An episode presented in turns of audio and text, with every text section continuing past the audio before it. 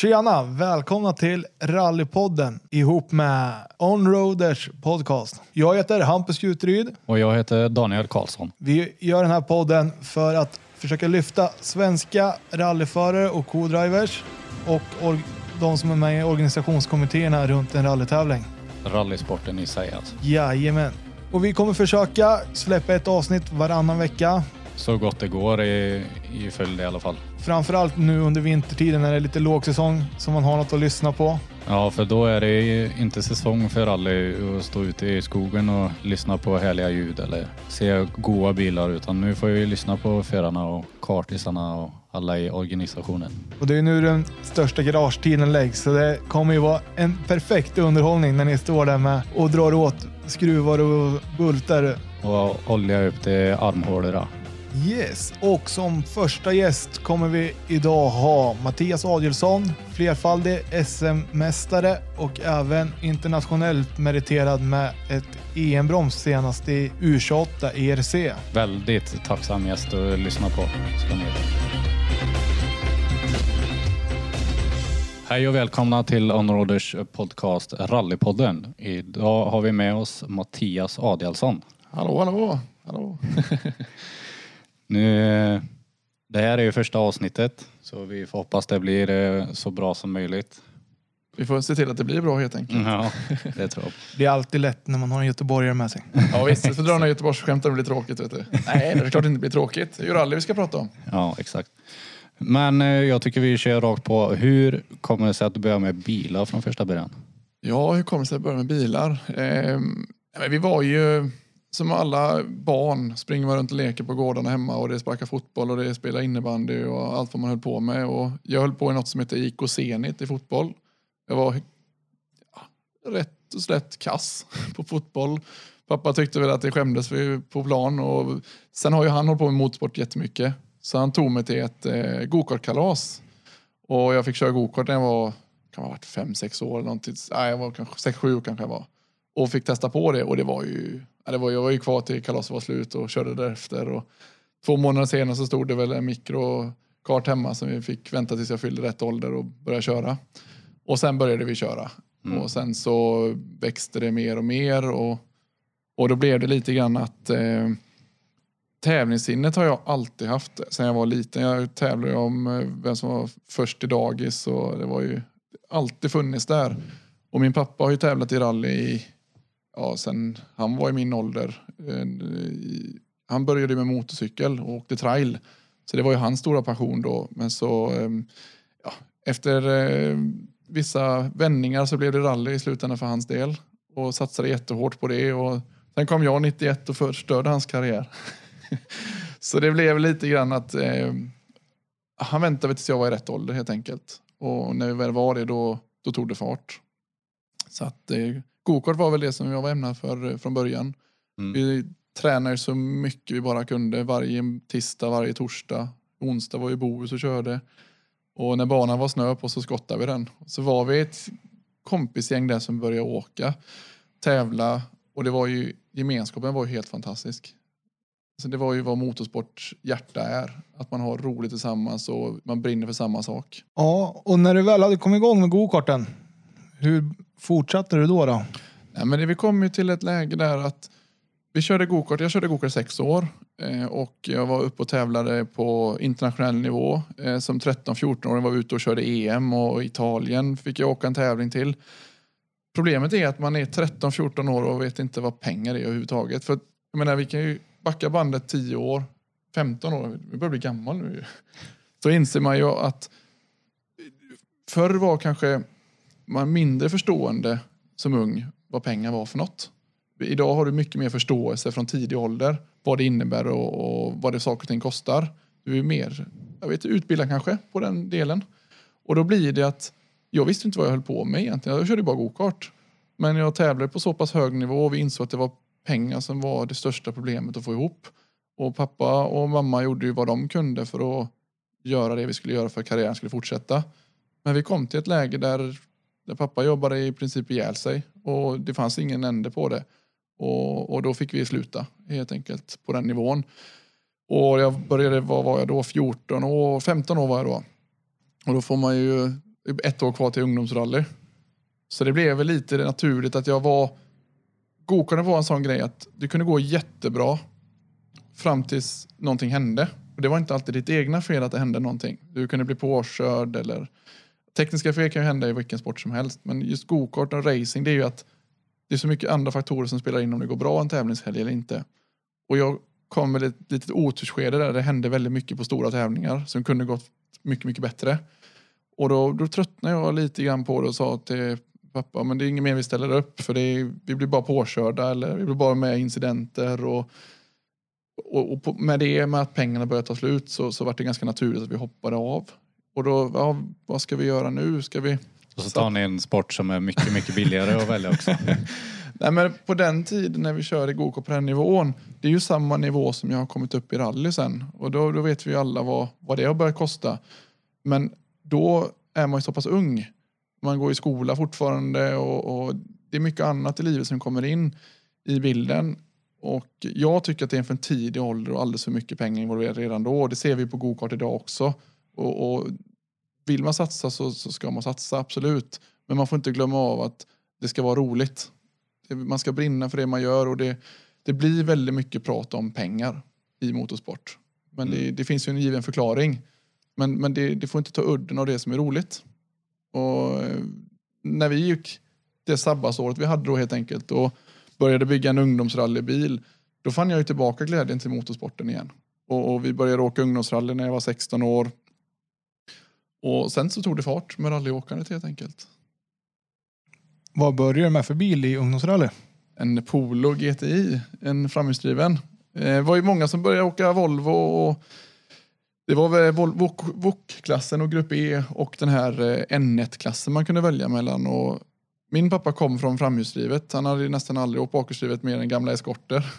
Och då eh, tyckte han att det var rätt väg att börja i. Eh, fråga mig inte varför, men det var en, en, en jämför man vad en Volvo originalbil kostar till exempel så är ju inte en Polo dyrare. Och det var tätstegad låda, det var differential och det var en ganska modern bil. Och, och det var tvåvägs justeringsdämpare på, på bilen. Och det, det, gjorde ju att du, kom, du fick en fin bil för vettiga pengar. Och den, jag vet vi åkte 34 tävlingar med bilen och vann väldigt många av dem men framförallt så kom vi i mål i 33 stycken. Den vi inte kom i mål i då körde jag slut på motorn. Den var, jag vet i tekozonen vi stod, den orkade inte hålla upp oljetrycket längre så den tvärdog. och det var en begagnad bil vi köpte och började bygga från. Sen hade det ju gått 12 000 mil den här bilen. Ja, ni öppnade ju liksom inte motorn och... Nej, nej, nej, det var ingen mening. Den gick, gick bara 145 km bilen ändå med testigad låda. Ja, det är så det ska vara. Så att det var, man fick åka väldigt mycket bil. Ungdomsrally är en fantastisk klass. Eh, låga startavgifter och vi tog en släpkärra och åkte runt överallt. Och det började komma in det här med sponsorer och den, och den, den bilden blev ju större och större. Och jag vet det största huvudsponsorn jag hade då på ungdomsrallybilen det var liksom det lokala gymmet. Så jag hade ett gratis gymkort. Så det var ju någonstans så började den här nivån med sponsorer och sen växte detta snabbare och snabbare och jag hade ju självförtroende som nya Colin McRae. Och, men det blev ju ett nästa steg där också. Ja, då har vi fått en liten inledning här av dig Mattias. Ja. Om du skulle berätta lite om dig själv. Ja. Vem är Mattias Adilsson? En göteborgare. Nej, då. Nej men vi, vad är jag? Jag är 28 år gammal och har eh, levt på motorsport sedan jag var 9 år gammal. Så jag berättade med gokarten som start. Och de sista fem åren så har jag levt på att hålla på med rally och satsa både nationellt och internationellt. Eh, glad och sprallig pojk. Eh, jag har alltid jobbat hårt med att följa våra mål. Och, eh, uppväxt i Torslanda utanför Volvofabriken i Göteborg. Gick hela gymnasielinjen med Volvo stämplat i pannan. Så att det var bilar från start helt enkelt. Hur har rallykarriären sett ut efter utbildningsrallyt? Det har ju blivit ett antal SM-guld och även meriter utomlands. Ja, men det var ju som efter ungdomsrallyt som det började ta fart allting och vi, vi eh, började hitta sponsorer och, bygga upp den, den delen då och kunna satsa mer och mer. Och sen dess så, så har vi ju åkt ett antal SM-säsonger och det är väl sex SM-guld vi har slagit ihop på 13 medaljer totalt, varav sista nu var ett EM-broms då i, i eh, junior-EM mm. i R5. Så att eh, det har ju varit en lång, lång väg att gå och jag är inte klar på långa vägar utan jag vill bli världsmästare. Det har jag haft som mål sedan jag föddes i princip. Och även om det känns kanske någon gång att det har tagit väldigt lång tid detta så, så är det den takten vi har kunnat ta det i. Vi har verkligen fått ihop mer ekonomi eller gjort det på ett annat sätt. Och jag har ett stort team bakom mig där hemma som, som gör det här möjligt. Det jag tänkte på nu, man vill ju inte hoppa för snabbt fram här utan vi vill ju gärna höra vad var, vad var bilen efter ungdomsrallyt? Vad började du liksom tävla i? i?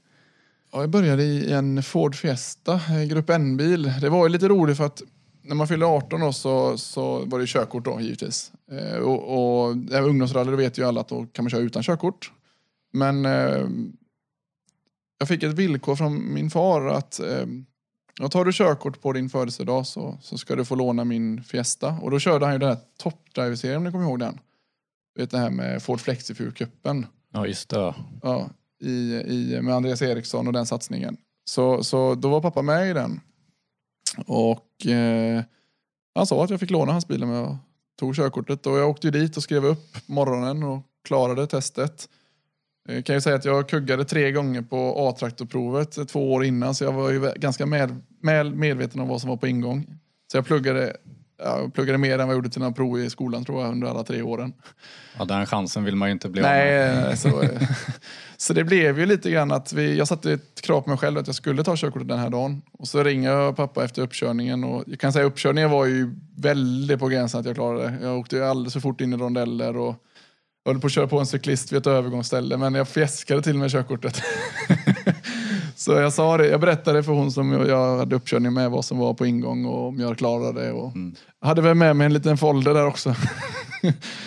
så att eh, ja, men det blev att jag ringde pappa och sa att jag tog det. Och då fick jag ju låna bilen till Samtaxrallyt. Det är inte här jättelångt härifrån de här områdena. Nej, det är uppe i Taxinge. Ja, så jag är ju Sveriges sämsta lokalsinne kan jag erkänna. Så att, men Hampus, du har ju bättre. Ja, man kan få ett samtal av Mattias när som, ah, du nu är jag i Linköping. Men du har jag passerat Nyköping då om jag kommer från Göteborg? Det är nog det sämsta jag har hört någon gång. Ja, men jag brukar säga också, om jag, om jag är på väg upp till dig eller någonting så brukar jag faktiskt klämma till med att jag är någonstans mellan Stockholm och Göteborg. Ja, och det stämmer ju faktiskt. Ja, mellan två vita linjer. Nej, men man behöver inte ha koll på allt. jag brukar ringa Andreas, eh, min kartläsare också, om jag är lite vilsen. Tur att du har honom kan jag säga. Ja, annars hade jag varit vilsen hela livet tror jag. Nej, men eh, och, och, och, här, när jag fick låna bilen då så, så gick vi och vann C-förarklassen i den här bilen. Och, och det, han fick aldrig tillbaka bilen efter det. Jag fick helt enkelt börja åka med den istället och så sålde vi polon och ja, försökte plocka de här Eh, poängen för att bli A-förare. Och eh, under ett års tid sedan vi körde så lyckades jag göra det. Och började satsa mer och mer med det och så gick ut, jag tror det var 2010 som, ja det måste vara 2010 som vi, alltså självförtroendet var ju i takhöjd. Det var, jag trodde jag var, jag var ju färdig världsmästare redan. Det var ju Colin McRae nästa liksom. Du hade flytet på gång där alltså? Ja, ja det var ju, vi hade jättebra flyt och, och, problemet, problemet var att jag fick för högt självförtroende så att när jag väl fick den dippen som kom, då var det ordentligt. Jag gjorde två ordentliga krascher 2010 med den här nya Fiestan. Jag var väl inte varken bil kvar av någon av de smällarna. Och, och vi satte oss runt ett bord, kommer jag ihåg, hösten 2010 när jag hade väl halvt eldat upp den ena Fiestan. Så eh, jag vet, jag rullade väl tre, fyra varv eller någonting tror jag på SM-finalen där. Och så började bilen brinna och så vart det ju, som tur var så var Paul Grande på plats där och släckte bilen. Han, eh, det var etanol i dem. Så vi såg ju inte att det brann förrän det tog eld i A-stolparna. Ja, när det tillför lite andra kemikalier, det ja. man ser det. Och som tur var så var Paul, vet ju från, från eh, många, många år tillbaka, duktig rallyerfaren. Han jag hittade väl brandsläckaren rätt och jag stod väl bara och hoppade och skrek. Tänkte att nu brinner rallybilen upp. Men som tur var var det erfaret folk på plats som kunde rädda bilen. Och då blev det lite grann att två karosser på en säsong.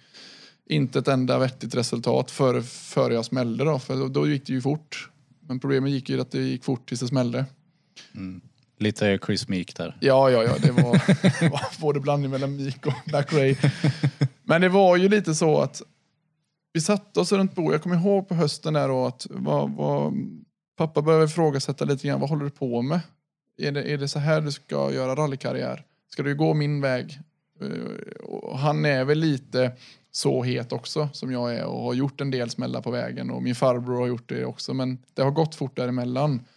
Och då blir problemet att jag kommer in i samma trend. Men vad ska vi göra för att komma ur det här då? Och då satte vi oss runt ett bord och så börjar vi fundera på hur i jösse namn ska vi lösa detta? Samlar ihop ett gäng som pappa kände och, och satte oss på altanen. Jag, kom, jag vet att vi, jag kände inte någon av dem där som var runt bordet men vi skulle satsa på att få till en satsning i rally. Hur ska vi bli världsmästare i rally? Och redan där, det, var, det här var så 2010, då startade vi den här gruppen som fortfarande än idag är med och hjälper till och gör detta möjligt. Och det de sa till mig då, det var egentligen, nu tar vi ett, ett år där vi bara kör bil. Du får inte Nu ska det bli kul igen. Liksom. Ja men kul var det ju ändå. För Ja, jag, men men på, på grund av krascherna precis. Du får inte åka av helt enkelt. Utan nu, nu, nu, nu kör du och får mil. Och är du med och slåss där uppe så, så är det inte rätt. Utan då åker du för fort. Uppenbarligen så klarar du inte av det. Man har inte kört för fort eh, förrän man har gjort en riktig krasch Nej. brukar man ju säga. Och då blev det att vi, vi tog ett helt år och jag gjorde inte ett enda resultat. Vi köpte in en R2 Fiesta. Eh, 2011 var detta.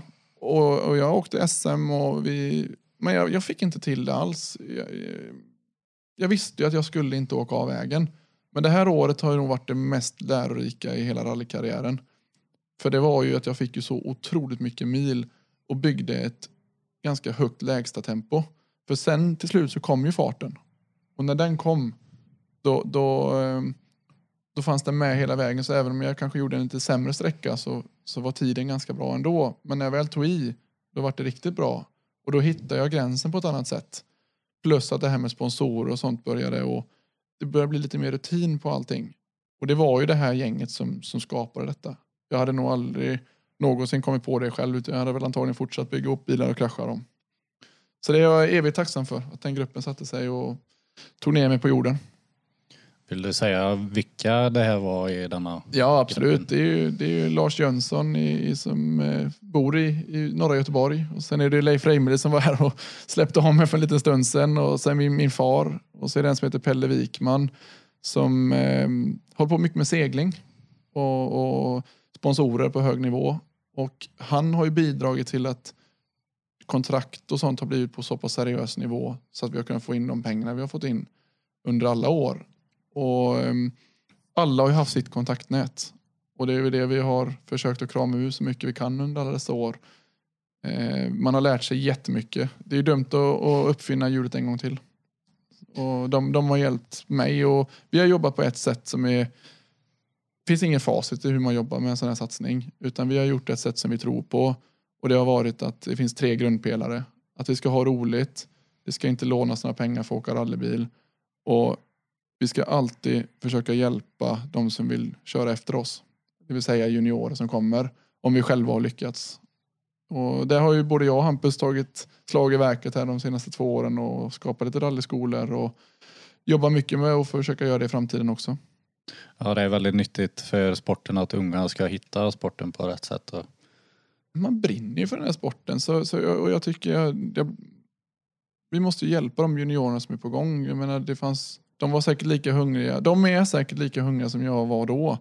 Och jag vet ju hur mycket jag hade uppskattat att få hjälp då. Men då, då fanns inte riktigt det. Man fick gärna lära sig av sina egna misstag. Jag tänkte det är dumt att låta alla juniorer göra det igen.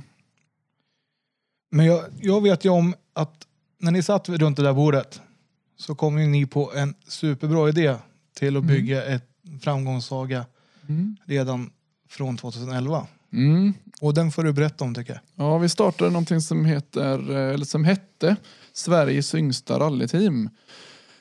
Det var väl egentligen en, en ren slump att, att vi kunde göra detta för att eh, en av de som skötte pappas tävlingsbil då, den här Fiestan, det, det sköttes ju via en skola i eh, Olofström. Eh, Peter Olofsson, eh, kär god vän till hela vår familj eh, sen många, många år tillbaka, långt innan jag föddes. Och han var lärare på den här skolan. Och de, de hade som inriktning då rally och som rallymekaniker. Eh, så de skötte bilen under två eller tre års tid. Och eh, det, det som blev då var ju att jag var 18. Mekanikerna var 17, 16 och, och läraren var givetvis med och styrde upp allting. Och sen hade jag min kartläsare då som var Marcus Sund. Han var ett år yngre än mig. Så, och då, då, då, då, slog vi ihop oss och så, vad ska vi göra för att få med sponsorer? Vi kan ju inte sälja in det här till att vi är rallyförare som är framåt. För det, det, det, det gör ju alla andra. Vad, har, vad finns inte i Sverige idag? Det finns, inga, finns ingen ungdomsfokus. Och då tänkte jag med rallyskola, eller mm, den här rallyskolan här i Nordenbergsskolan och men vi startade Sveriges yngsta rallyteam. Och så gjorde vi det och sålde in det här konceptet till ett företag som heter Stena. Och Stena blev vår huvudsponsor i tre års tid och därav kunde vi sätta en otrolig start på, på budget och få ihop en vettiga rallysatsningar i SM. Så det, det var ju framgången i det var väl egentligen att vi lät unga mekaniker ta sig fram. Jan, Marcus var ju väldigt unga också. Och vi lärde oss otroligt mycket. Samtidigt som vi kanske var lite för unga allihopa. Så vi gjorde rätt många misstag också. Men av misstag lär man sig. Ja, det var en skjuts för alla som var med i teamet alltså. Alla de yngre mekanikerna fick ju lite karriär av att Absolut. Även vara med och skruva till dig liksom. de, är, de är lite äldre, de känner sig väldigt gamla helt plötsligt. så det var, de var ju lite faddra till oss allihopa.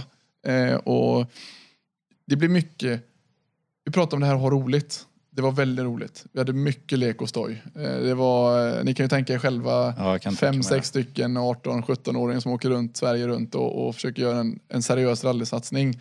Det var väl inte alltid man kunde tro att den var seriös. Eh, men vi var alltid seriösa utåt. Men, men mellan stängda dörrar så var det, så var det ju bara roligt. Och, och det tror jag byggde hela, hela atmosfären kring, kring vad rally är för något.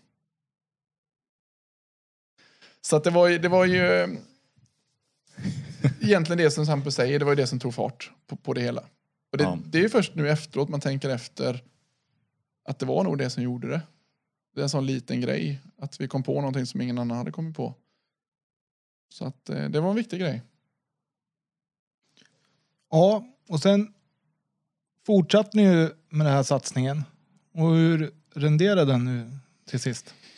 Ja, det, det som blev var ju att men vi kom in i det här där man lär sig nya grejer hela tiden och skolan fick ju nya uppdrag och, och allting sånt. Så det blev lite grann att det började rinna ut lite i sanden. Det var ganska svårt att sköta en bil på skoltid. Det, blev, det tog mer och mer tid. Och för skolans del så, så var det svårare och svårare att motivera att, att ha den här på heltid. Eh, och skolan gjorde ett fantastiskt jobb. Men det kom in nya elever hela tiden som vi fick, vi fick lära upp och lära upp. Och det blev en ganska tung process. Så det, så det blev lite grann att det kom dels från mitt håll, dels från, från, från skolans håll. Och att vi kom till ett läge där vi kanske måste ta steg vidare och, och utveckla detta. Och, och det, det, blev egentligen att det rann ut i sanden till slut och att mindre och mindre involverat var det. Och sen beslutade vi att vi tar hem bilen till Göteborg för jag saknade att ha det runt mig helt enkelt. Så det var ju svårt det, var, det hade säkert kunnat fortsätta jättemånga år och blivit jättebra. Men, men det har ju lite också med saker runt omkring som händer som, som, eh, som vi inte kan rå över. Nej, saker och ting händer ju, så är det Allting har sin utveckling. ja, då börjar vi ju närma oss det första SM-guldet mm. i karriären. Mm. Hur minns du den säsongen? Ja, 2012 så, så um, vi pratade om det här med att saker och ting har sin utveckling. Eh, jag och Marcus eh, gick skilda vägar i rallybilen. Eh, vi försökte väl att försöka hitta en väg där vi, vi kunde fortsätta. Men, men vi insåg att jag, jag kanske behöver ett annat spår. Vi hade ändå åkt ihop i några år. Och jag fick möjligheten att få in en kartläsare som, som hade bra erfarenhet av SM och som heter Kristoffer Bäck som, som lyfte mig till ytterligare en nivå. Eh, att, att lära sig egna, skriva egna noter och så vidare. Och innan jag fick in honom så hade jag eh, jätteförmånen, skulle jag vilja säga, att få med en sån som Anders Fredriksson som då, dåvarande åkte med PG Andersson i, i VM. Och jag vet än idag inte varför Anders vill hoppa med mig i bilen och åka. Men för mig lyfte det sig jättemycket. Jag, jag tog rallyt till en helt ny nivå. Både mentalt och med, med eh, hur man hanterar en, eh, en eh, rallybil. Helt enkelt. Och jag minns jätteväl i Sydsvenska. Vi hade åkt en tävling, Holmenskogsrallyt tror jag vi åkte innan jag och Anders. Och det var första gången jag skrev egna, egna noter och vi började träna på det och Sydsvenska kom in i bilden. Jag hade ju skrivit lite med Marcus innan men det var mycket mer korrigering. Men eh, jag, hade lite problem med det och fick den här hjälpen av Anders och vi började utveckla mer och mer. Stå på första sträckan i Sydsvenska, Millebygden heter den. Och ett Robin Friberg stod bakom mig och vi startade och jag kom ingenstans. Jag stod i de här spåren, jag hade kört rätt ner i spåren och den stod helt still bilen och jag var skogstokig. Hur långt tror ni jag kom? Nej, jag, jag gissar inte. Jag tror det är min kortaste rekordtävling. 300 meter tror jag kom. Första höger vänster kombinationen så slog jag i en sten. Och så vet jag att jag skämdes ju redan då. Eh, och då, då, vet jag några väl valda ord från Mr Fredriksson i högerstolen. Jag, den utskällning jag fick kan jag säga, jag ska inte säga den ordagrant här i, i mikrofonen för det, det är fula ord. Han blev bokstavligt talat arg på hur jag hanterar detta hela tävlingen. Ja, det är nederlaget liksom. Nej, men inte nederlaget, utan det var mer hur man lite nonchalant kanske, inte, man tänkte inte på det, men jag, jag, hade, jag hade kul hela tiden. Och han hoppar in och, och, och, är så seriös som han är och sätter mig lite ner på plats och, och, och förklarar att sluta upp nu din lilla pojkspoling och, och, och bli man istället. Om du ska hålla på med detta så kan du inte hålla på och framsa runt så som du gör. Han hade nog varit i den sitsen förut kanske. Jag kan säga så här, det var ju inte den fina tonen jag hade som, som Anders hade. Och jag vet, jag satt i en vedhög där och, och, uppe och stod och tittade över vad jag har ställt till med. Jag menar, få åka med en VM-rutinerad kartläsare och kommer 300 meter bara för att jag kanske var ofokuserad. Det, det harmonerar ju inte riktigt med vad vi ville med det. Och jag fick en sån wake-up call efter det så jag tror vi pratade om Sveriges yngsta rallyteam gjorde någonting för min karriär. Det här var det andra som gjorde det. Hur man ska hantera människor runt omkring sin egna satsning. Hur man ska respektera de som lägger ner den tiden och det är inte bara lek och stoj och allting utan det, det, de gör det seriöst och då ska du banne mig göra det seriöst själv också. Och efter det så fick jag ju mycket, mycket högre nivå på det jag själv gjorde och vi startade om rallyt dagen efter, eh, jag och Anders, och fick en fantastisk tävling. Och sen fanns det inte möjlighet för Anders att fortsätta, utan han gjorde detta för att hjälpa en junior. Och vi var ju lite bekant med en i teamet som gjorde detta möjligt från början, men att han skulle säga ja till detta Anders, det var ju, det var ju stort för mig då. Vi kan tänka dig om en sån som Jonas Andersson skulle hoppa in hos en junior idag till exempel, som aldrig har sett Jonas innan. Mm. Och, och, få den erfarenheten med sig i ryggen. Du, du skärper ju till dig ganska ordentligt. Ja, det behövs ju. Och än idag så är ju Anders min mentor i, bakom kulisserna. Det, det är mycket telefonsamtal och vägskäl man ska ta i rallykarriären som, som han har varit med och tyckt till. Så att eh, det, är jag, det vet jag att du lyssnar på detta Anders, och jag är väl tacksam för den hjälpen du har gjort och den du gör. Så eh, när Beck hoppade in i bilen så var jag ju mycket mer förberedd på, för han var ju på den nivån som jag ville till. Och då visste jag vad som krävdes. Att då jäklar ska jag vara seriös jag också. Och så hade vi ett fantastiskt år 2012 och vi tog ett JSM-silver. Jag vet det var nära där att vi, vi var uppe och nosade men eh, 2013 startade vi om med egentligen en, ett enda mål och det var att ta SM-guld. Eh, och eh, jag vet två första tävlingar så åkte vi Forden fortfarande. Eh, för att den Peugeot vi hade beställt hade inte kommit ännu. Det här nya Peugeot R2 som kom då. För då var det här, var först med någonting. Det hade vi ju sett var en, en genialisk plan från början. Och det här var vi också först med då i, in i Sverige med den här bilen. Eh, vilket resulterade i att vi fick mer uppmärksamhet eh, och mer sponsorer. Eh, så när vi körde detta året så, så gick ju allting våran väg.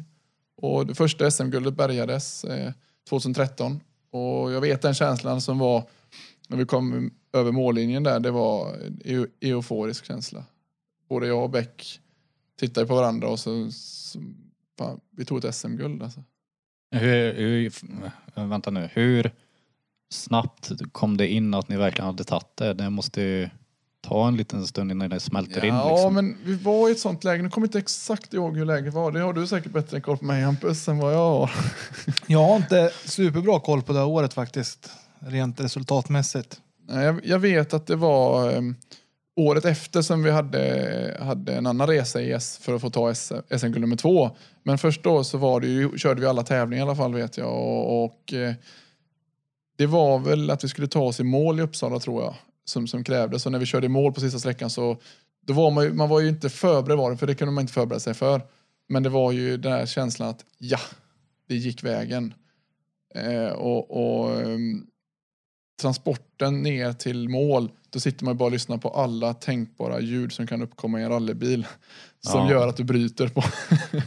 så det var ju, det var ju det var en nervös känsla samtidigt som man var ju otroligt glad. Jag vet ju, hela gänget stod ju på sista sträckan där med, med, och tog emot oss. Det var, det var en häftig känsla.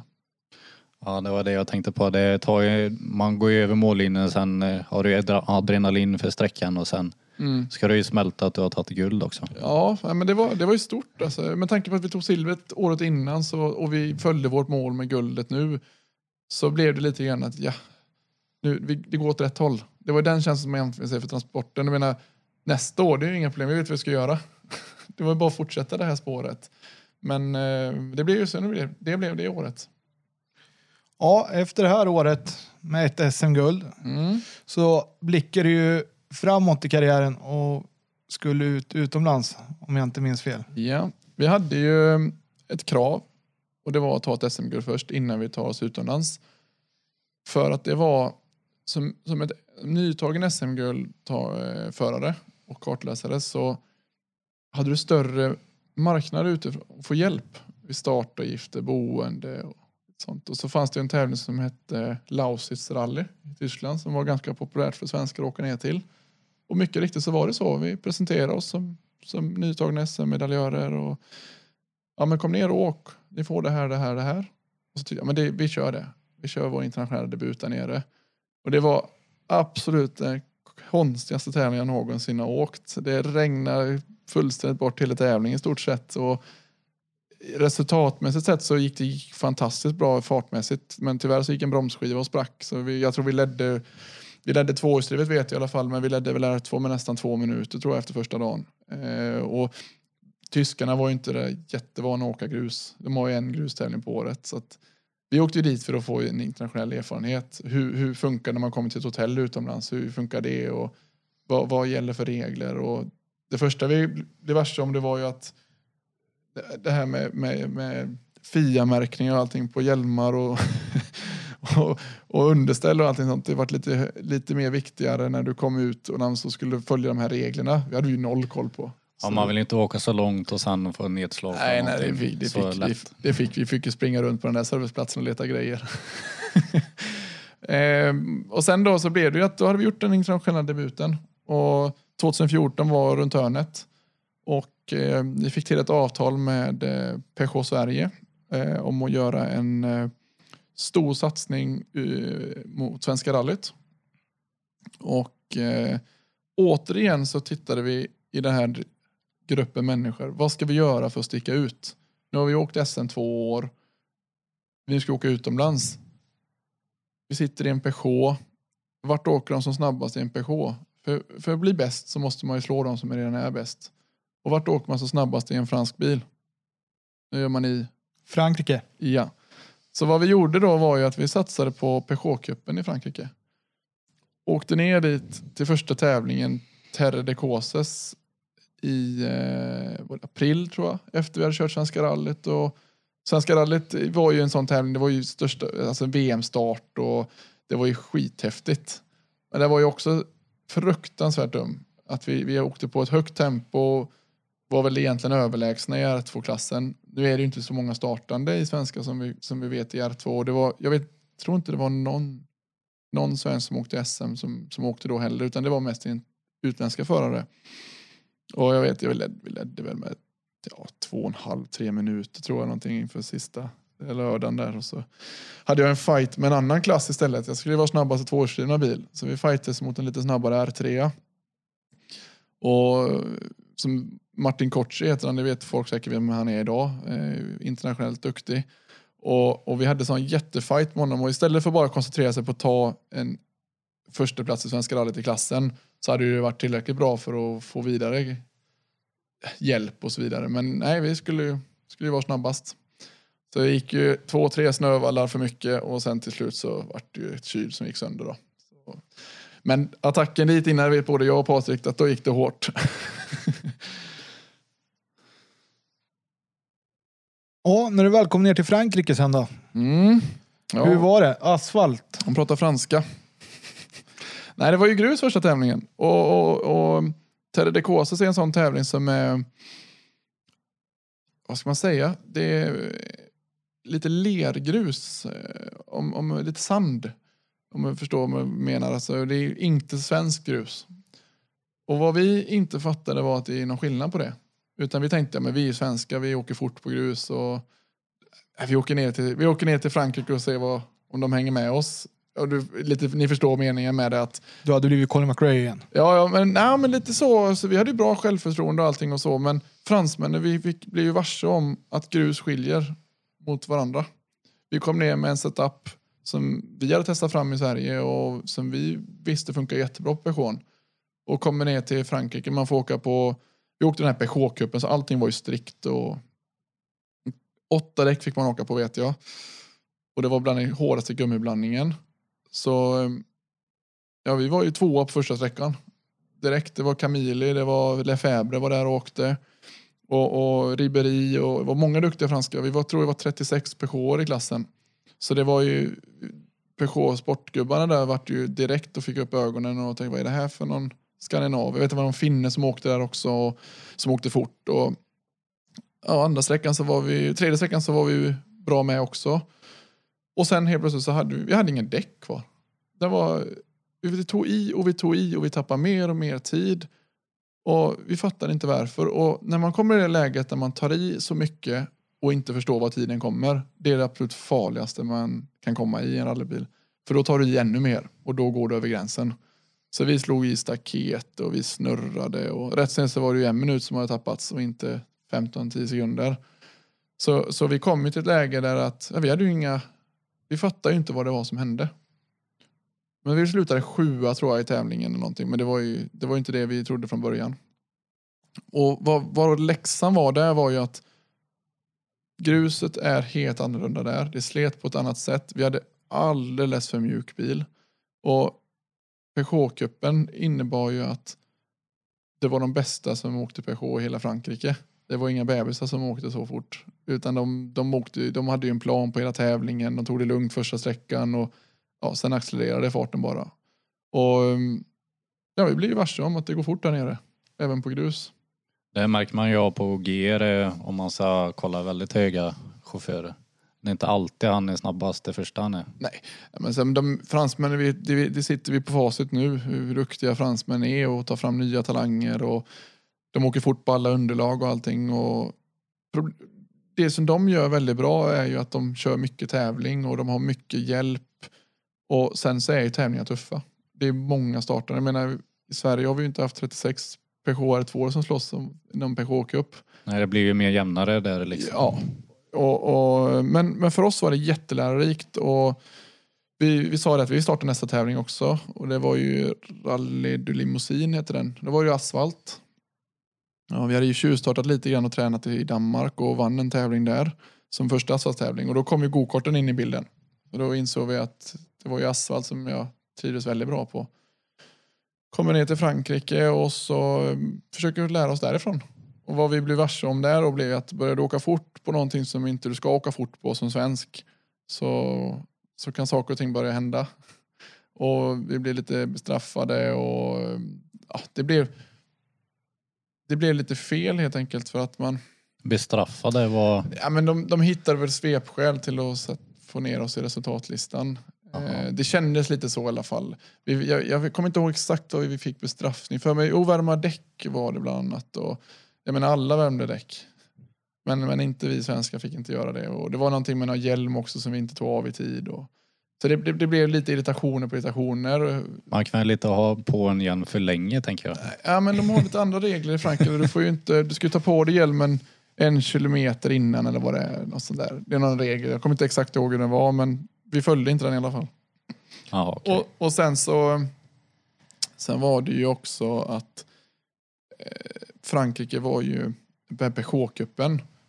Det innebar ju att du var tvungen att ha bilen så som Peugeot-cupen sa. Det var stolar, skulle vara rätt och det blev en ganska kostsam historia för oss eftersom vi var ganska oerfarna av vad det här gällde. Inte en människa pratade engelska. Så du vet att försöka hämta ut en bil från Park Famen och veta när du får göra det, det var ju knappt som jag fick svar från det. Bara stå och vänta och Ja, ja, se men när de andra var- plockar ut. Man, man, var, man var så um, utelämnad. Du fick ingen hjälp eller någonting. Och, och då, då blev det lite grann att vad gör vi här egentligen? Och, och samtidigt som vi insåg att det här börjar kosta rätt mycket pengar. Och vi kan inte fortsätta, det, det, det håller inte. Och vad gör vi? Och då, då, då tog vi ju steget och backade tillbaka hem till Sverige. Och vad vi då insåg var ju vad vi hade lärt oss i Frankrike. För då, då, då gick det fort hemma i Sverige sen. Och vi kunde väl trots allt vi inte startade två SM-tävlingar och så säkra ett, andra SM-guld då i klassen. Vi ska tydliggöra lite att eh, i Sverige så körs det inte så mycket asfaltstävlingar. Mest bara sprintar runt lite tunnor och sådär. Vi får inte göra det helt enkelt, det är ju Nej. förbjudet. Och, eh, det gör ju att vi som vill satsa internationellt måste ta oss till Danmark. Norge vet jag kör lite asfalt också, men för det är ju en stor del i rallyvärlden att åka asfalt. Ja, alla underlag liksom. Ja. Så det var ju, att åka till Frankrike var väl kanske det mest dumma vi gjorde för att där, där vet vi hur fort de åkte på asfalt. Men å andra sidan så gav det, vad vi gjorde där 2014 var ju det som gjorde vad vi satt i för bil 2019. Det låter konstigt men fem år senare så går det tillbaka. Det är ju lite kul att de fortfarande har ögonen på dig nerifrån Frankrike. Efter några insatser i en Peugeot Cup som var för fem år sedan. Ja, men alltså det handlar ju, allt det här vi håller på med i motorsporten, det handlar om att hålla kontakten. Och, och även om du kanske inte åker för ett team eller om du kanske inte har den, eh, den bilen du kör för, du, du, behöver, du kan ha kontakt med alla andra ändå. Skicka ut lite vad som händer och det kostar inte så mycket att ringa ett samtal och berätta lite hur det går. Och, och hålla kontakten med de här teamcheferna du har haft med och pratat med. Jag sprang runt där i Frankrike och delade ut hur mycket visitkort som helst. Så jag visste ju varenda franska team vad de hette. Och när vi kom till EM och körde en privatsatsning i det så var det ju ganska enkelt om man behövde dela till exempel. Ja, då visste man ju vilka team man kunde gå. De hade träffat den innan. Och vi fick lite mer hjälp än vad kanske man hade fått om man var helt ny. Så att det handlar om att sprida sitt namn. Du nämnde privatsatsningen i EM. Mm. Hur var den? Tuff. Vi kan ju börja med att vi första tävlingen vi åkte till i EM var ju Lettland, eller Liepeja då. Och det var ju snö, fullständig stö, snöstorm. Och det här var ju efter att vi tog beslutet att nu, nu är vi klara hemma i Sverige. Nu måste vi ta ett steg till och vi ska göra det hel, helhjärtat. Så vi, vi tog en, ett beslut att vi ska köra junior-EM. Och det började väl 2015 i februari va? Någon gång var mars, någon gång var li, nej februari var nog Lipeja. Och det var ju ehm, alltså det var ju vintertävling. Så jag vet jag hade en jättefight med Emil Bergqvist första dagen. Andra dagen så, så fortsatte vi att fightades med och till slut så var det väl så pass att vi, vi var på gränsen och rullade efter, det var efter mållinjen rullade vi inför sträcka 12 eller 13 vad det kan ha varit. Så åkte vi lite transport utan rutor och grejer och sen så tappade vi lite tid där. Så jag slutade väl fyra tror jag i Lettland där. Sen var det ju Azorerna.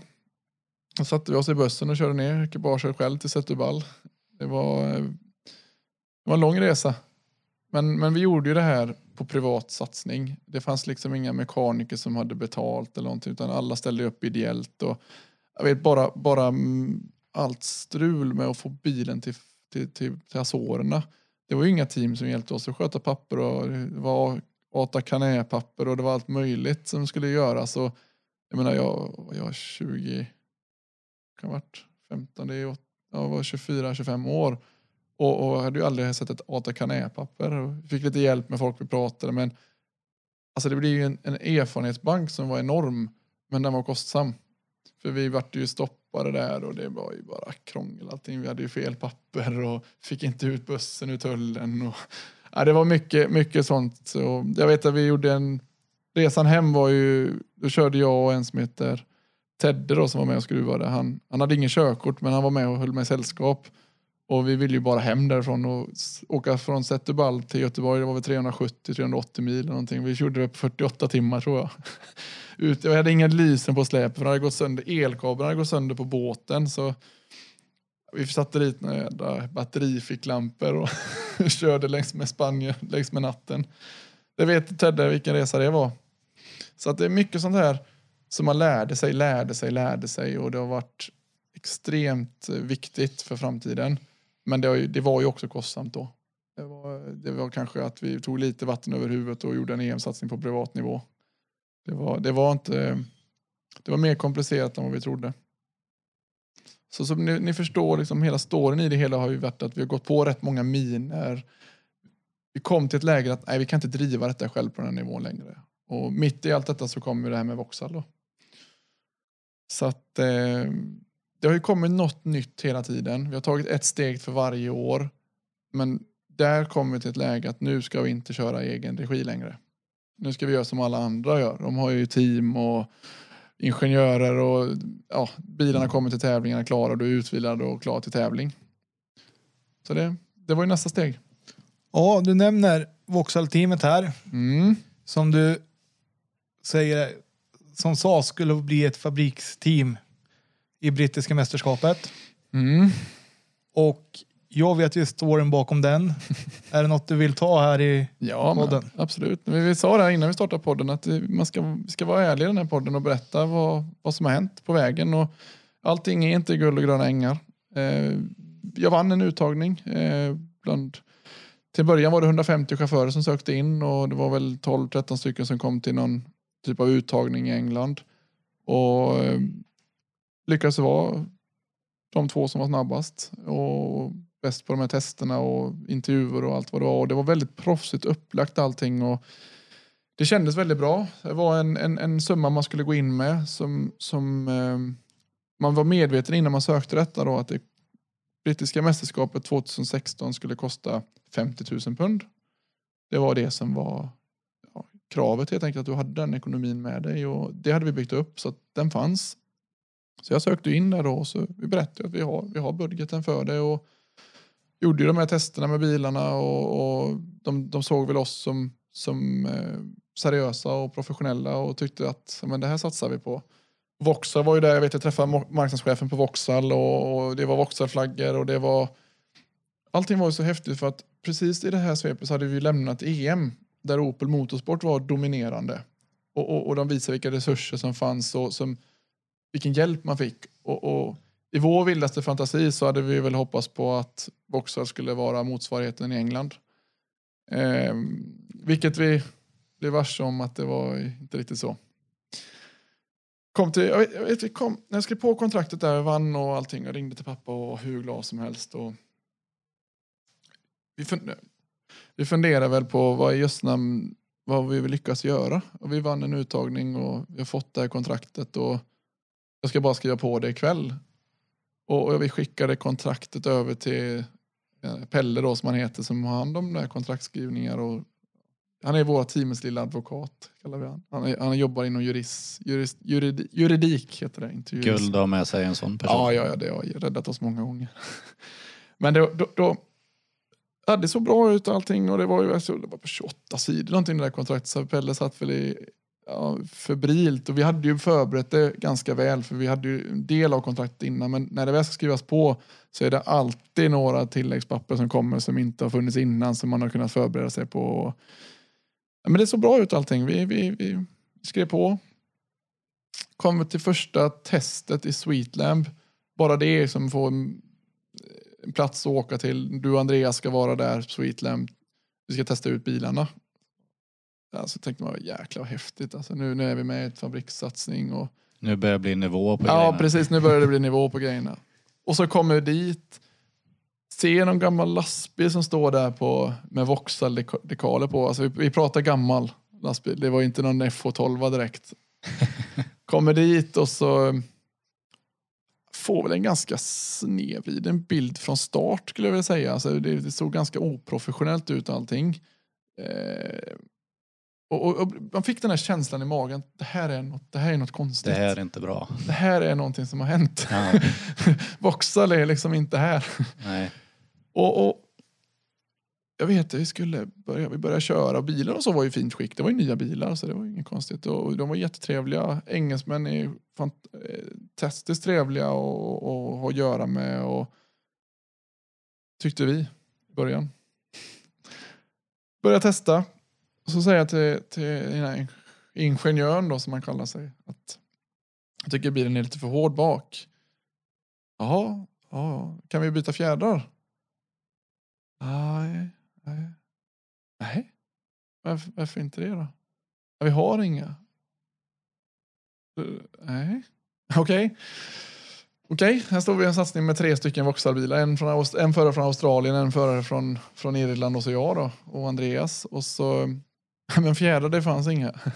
Blir det något eh, prat emellan förarna? Vad, vad är det här? Eller vad, Nej, men det fick blev- de det andra var förarna ganska- samma känsla liksom? Ja, jag tror att vi alla var ganska, ganska besvikna där första dagen och insåg vad vi just med det. Men bilarna gick ju bra. Det var häftigt att sitta i en Opel och köra, eller Vauxhall ska jag väl säga att det var, men det var inköpta Opel-bilar. Och det skulle, jag, jag kommer ihåg väl när vi skulle dela ut teamkläder. Och när, när vi alla fick olika teamkläder då insåg jag att det här, det här är något lurt. Jag vet Andreas han fick ju någon XXL-jacka som var rosa, den var inte röd. Jag fick någon röd. Det kändes som att de var liksom... Ja, vi, åker, vi svänger förbi någon Vauxhall-affär på vägen upp till Sweetlam-testet och försöker se om vi kan få loss några jackor från garaget.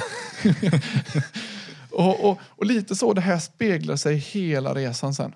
I, i, i, det, det visar sig då, efter mycket om och men, att, att det vart ju inte så bra som det var tänkt.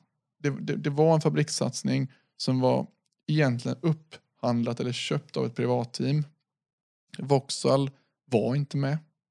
De hoppade ur redan innan det här startade. Men det talade de aldrig om.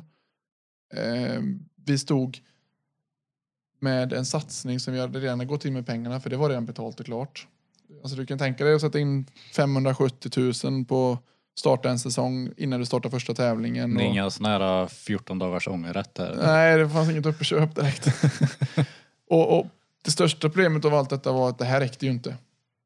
Det var ju, när vi kom till första tävlingen så, det så var ju nivån på allting var bara, de hade redan satt stämpeln liksom i första testet att okej, det här blir det här blir som det blir. Men visst, vi, vi försökte ha med det positiva. Det kanske de har inte fått ordning på den. Det, det har liksom inte riktigt... För i det här visste vi inte att Vauxhall inte var med. Det var ju först när vi kontaktade Vauxhall och frågade vad är det här för skojerigrejer. Hur kom det sig att ni kontaktade? Vad Nej, vi fattade ju inte vad som hände. Det Nej. kom ju fakturer efter fakturer efter tävlingar och test. Och, så det, de, de här 50 000 de räckte ju inte på långa vägar. Så mitt enda val när vi stod i mitten av säsongen, det, det var att hoppa av eh, eller betala mer. Det fanns liksom inget mellanting däremellan. Och, och ehm, det är ju sorgligt att berätta detta egentligen, för det var ju ett år som vi verkligen trodde på skulle bli startskottet på, på, på, på en vettig, vettig fortsättning. Eh, så vi var trötta på att driva allting själv. Och nu då istället så fick vi, jag hade ju mer kontakt via mail och Pelle då, vår advokathjälp, eh, än vad jag hade med team, teamchefen personligen i sista halvåret. Eh, det var liksom depositioner som inte betalades tillbaka, bilar som inte, jag, jag vet jag fick en faktura på bromsskivor som jag använt för aggressivt. Va? Ja. Det var, det var den nivån det var på. Jag, jag har en faktura där det står Dam, Dan, Danoninos pizza på. Liksom. Det var till och med påslag på den. Jag hade ätit pizza på kvällen där i Irland någonstans, jag och Andreas och med teamet. Så det, det, var, det, var, det var ett team i nöd. De, de hade inga pengar, sponsorerna hade inte kommit in som de hade hoppats på. Det var säkert en fantastisk idé från början. Tyvärr så blev vi offer av en idé som inte blev verklighet. Och det här är ju första gången egentligen folk i allmänhet vet om hur det här var. Men jag, jag har inga sekretesser för detta överhuvudtaget. Och jag, och jag vill berätta att det finns en värld där ute som kanske inte alltid ser ut som den gör. Och, och vad vi lärde oss av detta var ju att okej, okay, att driva i privat regi kanske inte är det lättaste. Men du har koll på allt. Du, du, du ser ju till att vad som kommer in och vad som kommer ut och vad, vad det kostar.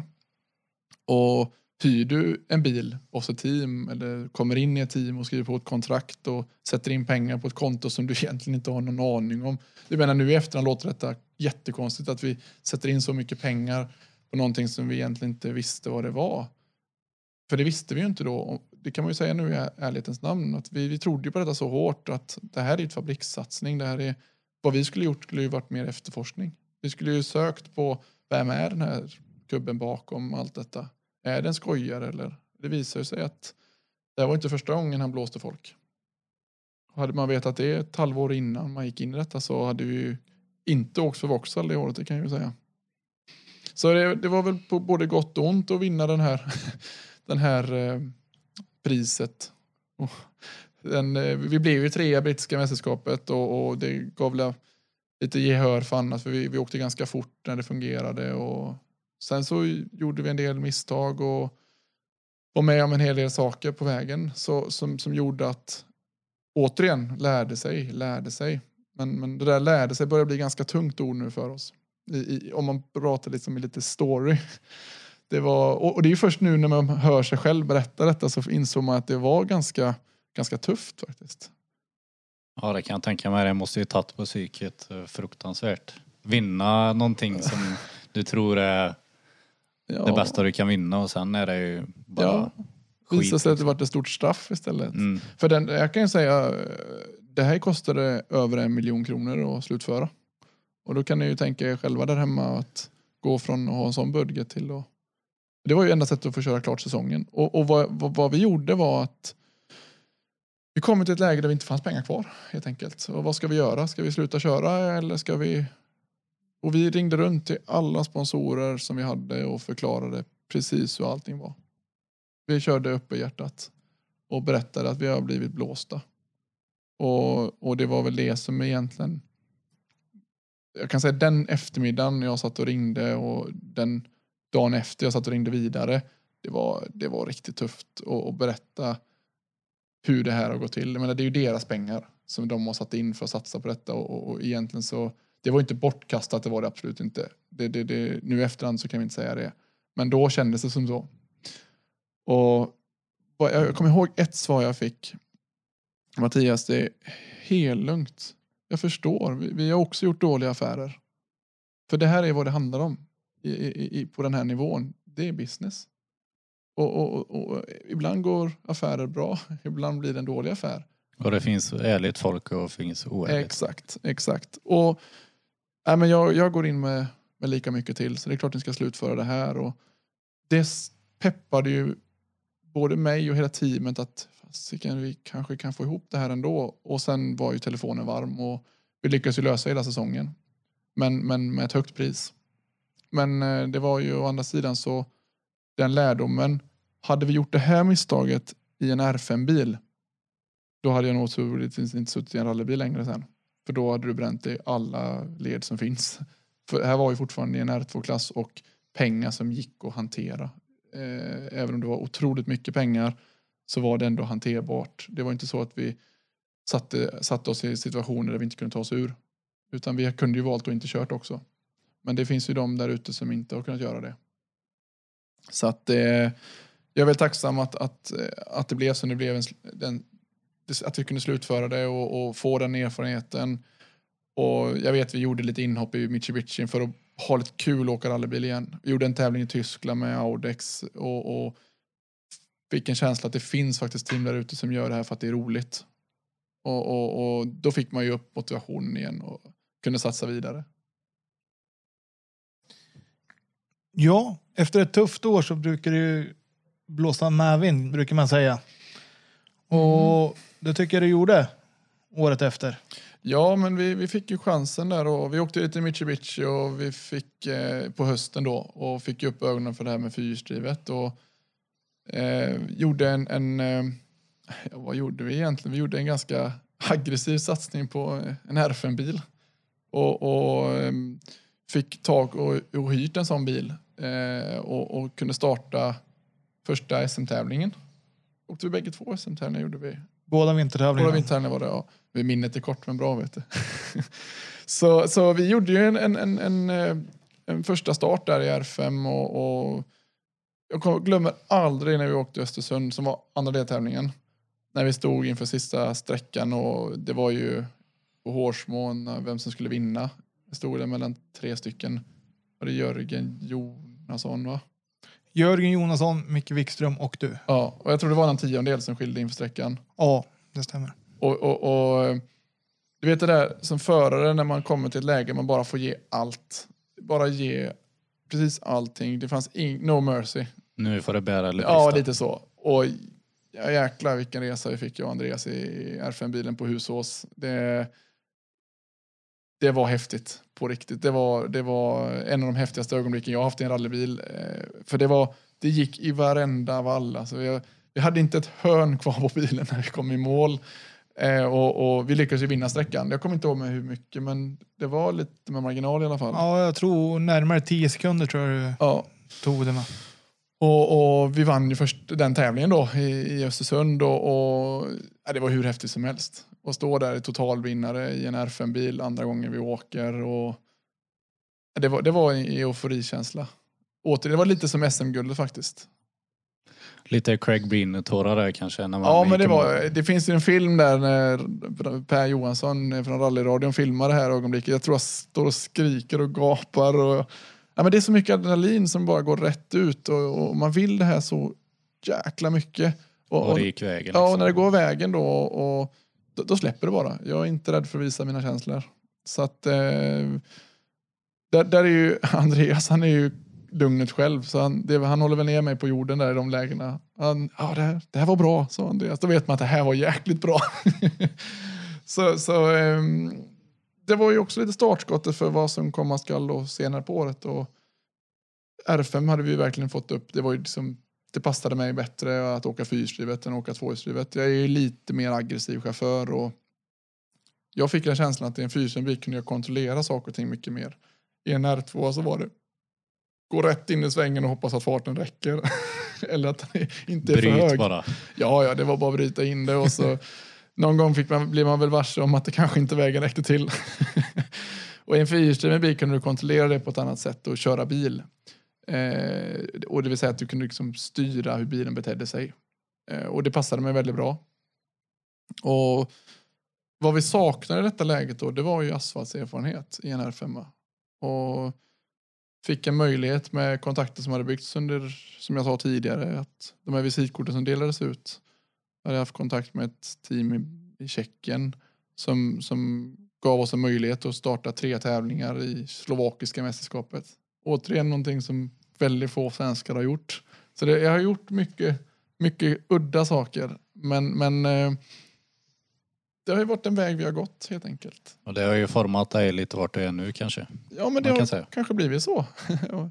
och vi fick ju åka de här tre tävlingarna och, och, det var ju galet häftigt att få åka på de snabba vägarna där nere. Och Slovaken, det är ju inte... Det, det, man, det är ganska häftiga tävlingar, det är ganska stort intresse där nere. Och man kunde faktiskt åka en, en rallybil för vettiga pengar. De, de, de tar inga ockersummor för att åka rallybil där nere om du, så länge du är i deras land och åker eller i Tjeckien då åker. De, de, de, eh, det, allting är ju billigare i Slovakien och Tjeckien om man jämför med här hemma eller i Tyskland eller i England. Så, och de har ett visst intresse av rally där nere som, som speglar lite hur de är. De, de vill dig väl. Och de som driver rallyteam och så, de, de har ganska gott ställt och de är beredda att satsa lite extra pengar kanske för att ta fram någon junior eller någon, någon, någon svensk eller vad det kan vara för att, för att åka i deras team. Så vi, vi fick till en jättebra deal och kunde åka för väldigt vettig ekonomisk väg. Och åka de här tre tävlingarna och få den erfarenheten. Att inte slutföra slovakiska mästerskapet, det, det, det fanns liksom ingen anledning. Vi fick den erfarenheten vi ville ha. Och, och vi, vi kände att men nu, nu är det dags att ta nästa steg. Helt enkelt. Och jag vet inte, 2017 slut och så åkte vi lite Mitsubishi igen. Vi, vi åkte bil helt enkelt så mycket vi kunde. Jag hade ju pappas bil som jag fick låna återigen. Som ställde han upp på det. Och fick åka, åka den här bilen helt enkelt. Och tyckte väl att äh, men nu får vi kanske försöka hitta en egen bil. Pappa han har, han har hjälpt oss tillräckligt. Eh, så jag fick faktiskt till att hitta eh, tillsammans med en sponsor så köpte vi en, en Mitsubishi Evo 8. Som vi åkte lite grann, jag tror vi åkte två SM-tävlingar med den va? Så lite test. Och, Ja, och jag vet att vi hade en sju jäkla fight med Tobbe Lilleken Johansson. I Kolsva. ja, den var ju rätt spännande. Ja, det var den. Det var den. Och det var ingenting var ju klart. Jag tror var 2,1 sekunder till Tobbes fördel. Vilket jag än idag grämer mig över. Kunde vi ha gått lite, lite längre ut på den där åken Tobbe. Gammal är äldst som man brukar säga. Mm, och han talade om det för mig efteråt. Så att, eh, nej men det var jätteroligt. Alltså då var det ju återigen det här att vi åkte bil för att det var kul. Och det har alltid speglat hela, hela min karriär. Att när jag har kul i bilen och, och släpper allt annat, press och eh, alltså bara åker för att jag älskar att åka rallybil. Då har det gått våran väg. Men, men så fort det kommer lite ja, men vad ska man säga, när man börjar tänka för mycket. Jag får alltid höra att jag tänker för mycket. Och, och, och kör bara, håll tyst, prata inte, tänk inte, kör bil bara. Och det, det är ju det bästa tipsen jag kan få, för det är det jag behöver göra. Då kör jag som bäst. Så att eh, det var det det handlade om det året, att köra mycket bil och, och få den möjligheten. Och vi åkte mycket test som inte heller syntes, men det är alltid test i test, tävling i tävling. Men test gör ju att du kan vinna en tävling. Ja, och samma år så är ju den där berömda segerintervjun i SVT. när det står en dreglande Mattias Adielsson i tv-rutan. Ja, ja, men vi vann ju. Som sagt, jag är inte rädd för att visa. Syns man inte så finns man inte. Och jag vet, det har varit ju till och med med på, på någon sån här eh, SVTs bästa klipp eller någonting på, när vi satt på Idrottsgalan det året därpå. Det var ju lite häftigt. Då kommer jag upp dreglandes där. Minnen. Ja, nej, men det var ju, det var ju coolt att, få, få eh, vinna med, med, med fyrhjulsdrivna bilen vi startade då. Det var ju eh, i Borås.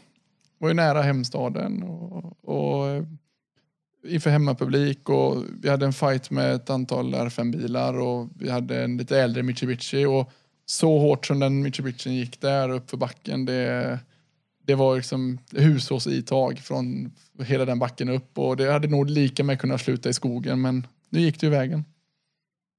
Ja, du rev ju hela målportalen där så. Jajamän, ja, men den var, den var i vägen. Vi fick ju justera det lite grann. Men sen så... Ehm, det som var 2017 var att under den här vägens gång, varför vi åkte de här asfalten, varför vi åkte Mitsubishi och varför vi åkte RFN på vintern, det var ju för att vi höll på med en sak i bakgrunden. Och, och vi höll på att bygga upp något väldigt, väldigt stort eh, med en av våra partners som skulle vara starten för 2018. Eh, vi hade jobbat i nästan två och ett halvt år med den här planen. Ehm, eh, jag haft, jag hade många möten och vi hade väl en ganska klar idé på hur det här skulle se ut. Och därför la vi upp den här erfarenheten. Hur gör vi det här året för att klara 2018 så bra som möjligt? Var förberedda. Vad som hände egentligen slutet på 2017 det var att vi blev varse om hur fort saker och ting kan vända när det kommer till större affärer, större partnerskap. Vi hade väldigt god kontakt med och hade hjälp redan av ett stort företag som, som hade enorma resurser och, och som vi byggde en, en, en eh, stor del av satsningen kring eh, för framtiden. Eh,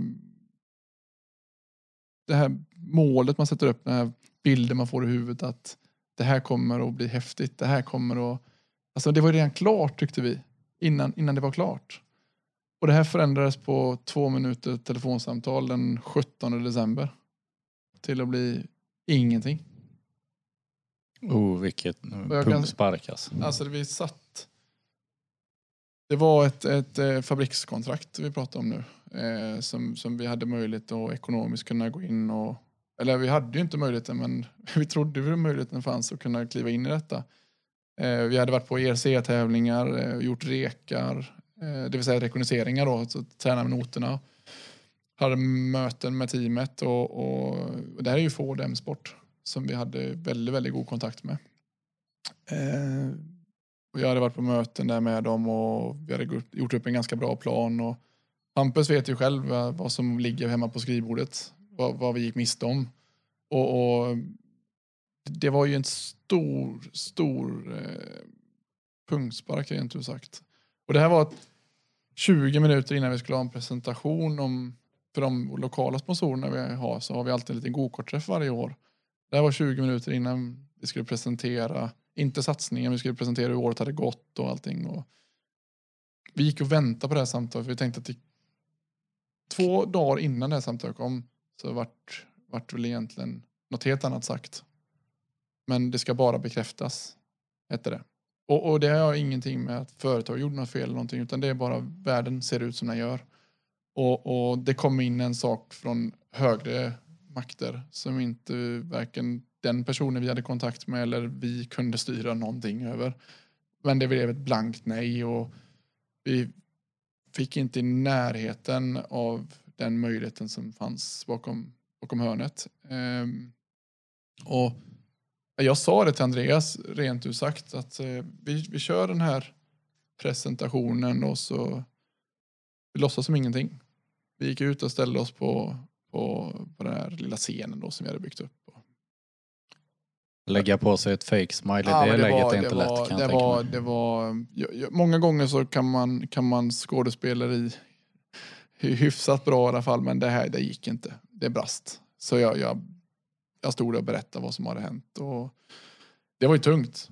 Det var jättetungt. Alltså det var, och jag sa till Andreas när det här var klart och allting och så sa jag att eh, nu låter detta jättefel men det ska ju vara ärligare den här podden. Och jag sa det, antingen så går vi och super ner oss fullständigt på Avenyn eller så går vi hem och jobbar för något vettigt plan B. Och vad som gjordes var ju plan B givetvis. Det andra fanns ju inte på kartan utan det var ju bara ren frustration. Vad hände? Vad hände med detta? Och hela teamet, vart man ringde runt. Jag vet när jag ringde runt de där fem samtalen till, till alla och ja, det blev ingenting. Va? Nej, det blev ingenting. Va? Och, och förklara det om och om igen. Men vad vi insåg där redan på kvällen var att okej, okay, det blev ingenting. Pang, så. Vi, vi tömde det bakom oss. Hur gör vi nu för att få ihop det vettigt? Faktiskt så är jag både glad och inte glad att det hände. För vad som kom istället var ju stora satsningen med PTR. Det, det blev ju vår absolut mest lyckade sak vi har gjort i rally eh, när vi startade Svenska rallyt. För då, då, då, tog vi alla resurser vi hade och, och jag hade haft lite kontakt med Jerker Axelsson då, som drev PTR tillsammans med Pontus. Och jag sa till Jerker att nej, vi kan inte hitta på någonting så, jag har lite andra grejer på gång. Men vad jag gjorde då var att jag, jag ringde Jerker och sa kan jag träffa dig? Och då la jag upp allting på bordet vad som skedde under vägens gång och så eh, satte vi oss ner och så gjorde vi en plan. Och den planen följde vi punkt och pricka och den vintern 2018 det, det var oförglömligt. Det kommer jag aldrig glömma. Jag vi, vi vann SM-sprinten. Eh, vi var två i Vännäs va? Ja, två i Vännäs. Hampus kan resultaten bättre än vad jag kan. Jag Han är ett orakel. Ja, och, och, och, vi vann Östersund andra året i rad. Um, vi startade Svenska rallyt, första VM-deltävlingen och, och blir bästa privatförare vi, vi, vi, jag skojar lite med, med teamet hemma och säger det här VRC2 Pro idag som finns. Det, det, i, I år, hade det varit så som det var 2018, då hade vi stått som segrare i VRC2. Så det, det var ju det var coolt att få vara med i en VM-tävling. Allting bara flöt enligt plan. Eh, teamet var helt fantastiskt. Vi hade så jäkla roligt. Och, och, och vi kommer tillbaka till det, ha roligt.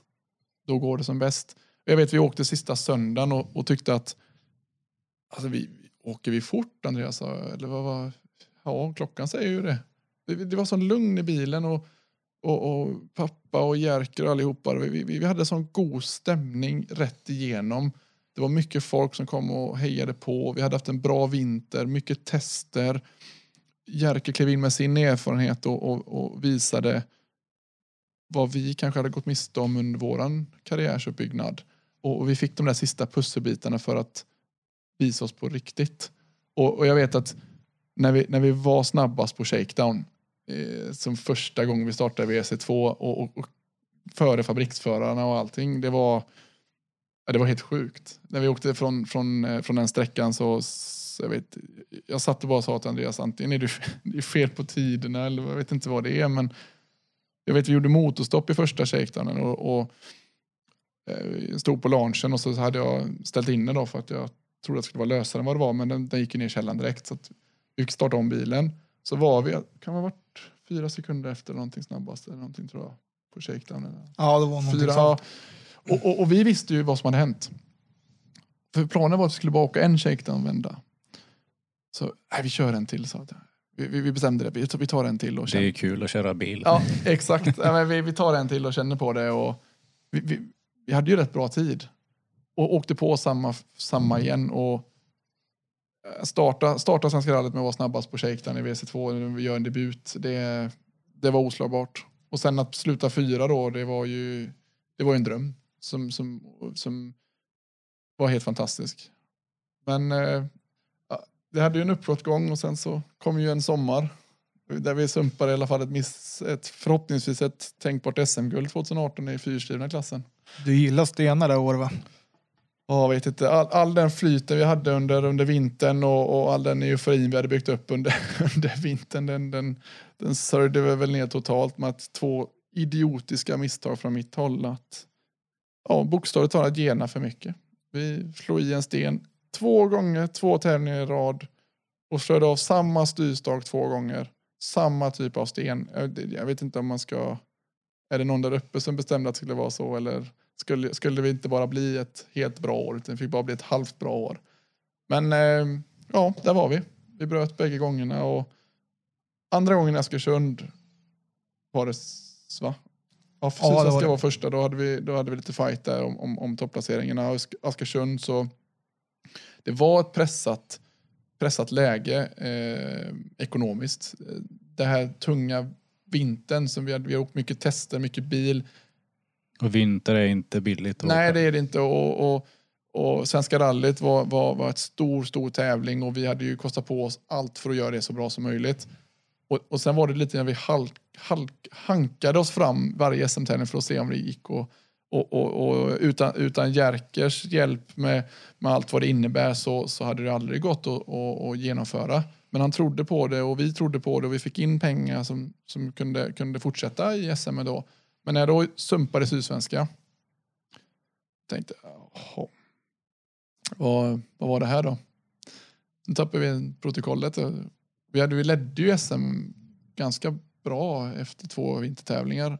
Så, så sa vi att vi, "Nej, för att rädda det här måste vi åka en tävling till. Så vi, vi gjorde ju vad vi kunde för att få upp till Askersund. Och startade Askersund med det här i ryggen och det var ganska stressigt innan och lite andra grejer som hände som, som, eh, som ja, Du runt börjar om i tänka livet. helt enkelt igen. Exakt. Ja, du ser, du, du kan mitt, du löser mitt korsord. Eh, jag börjar tänka för mycket. Sätter griller i huvudet när Ja. man har. Ja, det, det gick inte att sortera bort helt enkelt. Jag, jag visste vilken situation vi satt i och, och började tänka för mycket. Och eh, vad gjorde vi? Ja, vi körde på en sten till. Och sen stod vi där i... Då, då, då var jag och Andreas, vi gick varsitt håll. Gjorde vi. För Andreas var nog ganska irriterad på mitt klantiga misstag. Och jag kan ju säga att jag själv var ju inte mindre irriterad. Eh, men då, då gick jag i skogen och så, då, då vet jag, ringde jag pappa i, direkt och, och berättade vad som hade hänt. Och han, han reagerade väl på ett ganska snällt sätt. Det var liksom inga konstigheter men det var väl lite så här, det var väl kanske lite onödigt. Och, och, men det övergick ganska snabbt till att jag blev, jag, jag brast totalt. Jag gick in i fullständig rallyvägg som det kallas för. Det var, allting släpptes på en gång och jag sa till pappa att jag, jag har inte råd med hyra, jag har inte råd med det, jag har, jag, vad håller vi på med egentligen? Och vad, vad, det här är inte roligt och ja, du vet. det bara, bara rasade ut ord från mig. Och en, jag tror vi pratade 20 minuter och jag grät och grät och grät. Och, så det låter, det låter fjantigt nu efteråt men det släppte bara helt enkelt. Och, och proppen rann ur. Men, men det är ju, ibland måste det göra det. Och jag tog en liten break från allt vad rally hette och några veck, några vecka eller två. Liksom, Ja, vi hade ju rätt tät kontakt där ja, under ett par veckor. ja. För under sommaren så skulle vi vara en rallyskola. Mm. Och jag tror den räddade lite av säsongen där också. Alltså Ja. med glädje och att det blev så lyckat som det blev. Ja, men det, vi kom till ett läge där det här roliga eh, började försvinna. Eh, det blev en ganska tung press allting. Eh, även om teamet var fantastiskt. Vi satte inte i en sån press på det sättet. Men det var ju mer mig själv som... Jag blev så besviken över de två misstagen helt enkelt. Så att det var... Det, det blev ganska tomt. Eh, jag kände mig ganska ensam eh, under den... Jag, menar, jag hade jobbat med rally i 2013 sa jag upp mig från Volvo. Fem år ungefär. Bara suttit och jagat de här pengarna, gjort event och och det har varit en helt fantastisk period. Alltså det har varit så roligt, jag har fått göra så jäkla mycket. Men det kom till ett läge där jag kände, vad håller jag på vad, vad gör vi egentligen? Vad, vad leder det här till? Och vad... Verkligheten kom ikapp, om man så fint kallar det. Och, och då blev jag att jag hade mycket tät kontakt med Hampus här som, som var en räddare, en vän i nörden. Och vi pratade väl mycket rally, men vi pratade mycket om vad, vad som var jobbigt med rallyt. Det var få jag kunde prata med det om. Och, och Hampus kom med väldigt mycket kloka ord. Och, Bryta ihop och komma igen brukar man ju säga. ja, exakt. Och, Det var här, bara att göra det. Alltså. det här med rallyskolan allting vart ju ett, liksom ett... Det var, så, det var roligt igen. Vi, vi hjälpte ju juniorer och, Se leende och positiv Ja. energi från andra. och sen var det så roligt att ha skolan också. Vi, jag vet, vi, gick på, vi gick på Nyköping där i var Ica eller vad var det? Coop eller vad var det någonstans? Vi gick och handlade all mat för kvällen innan. Och, Ja, vi skulle pla planera allting. Matinköp och grejer. Vad som skulle handlas och så skulle Andreas mamma göra sallad och grejer. ja, Alltså, det, vi hade superkul de här dagarna som vi hade uppe i Katrineholm. Ja, verkligen. verkligen. Det var ju det var ju vår första rallyskola och vi hade ju ingen av oss som väntade oss. Nej, nu har du fel. Det var andra. Ja, andra, förlåt. Ja, andra var det, förlåt. Men vi, vi, vi visste ju... Alltså vi visste ju egentligen att, att vi gör detta för att och, och hjälpa till. Och, och, men jag tror vi gjorde det också för vår egen skull. För vi tyckte det var roligt. Vi, vi, vi kom till ett läge där att det här gav ju någonting för de som var första gången då. Och när vi kom till Katrineholm så hade vi lärt oss av de ja, kanske lärdomarna vi hade från första skolan och, och vad, vi skulle göra bet- vad vi skulle göra bättre. Och, och jag tror att det var, för mig i alla fall, så var det väldigt roligt att, att göra detta och se att, att de tog lärdom av det. Och som sagt, vi var ingen facit överhuvudtaget. Vi kunde bara komma med lite input och hjälp och vad, vad, vad, vad man kunde göra helt enkelt. Men, men att se alla komma, jag vet när vi var på campingen där i, i, i Katrineholm i samband med Slottssprinten och det började rulla in folk där på början på veckan där och, och det var också, de var där för vår rallyskola. Det var lite häftigt. Ja, och det är ju det här med att ge tillbaka till juniorer. Jag tävlar ju ingenting själv. Men jag brinner ju verkligen för att se ungdomar utvecklas och vi behöver även få in yngre folk i organisations grejerna som finns runt tävlingar och sånt inom rally också. Och där hoppas ju jag att rallyskolorna kanske får upp ögonen att de aktiva yngre chaufförerna får med sig någon kompis eller ställer upp själva när man själv inte tävlar. Så det fick ju till och med Mattias hjälpa till under själva slottsprinten och vara publikvakt.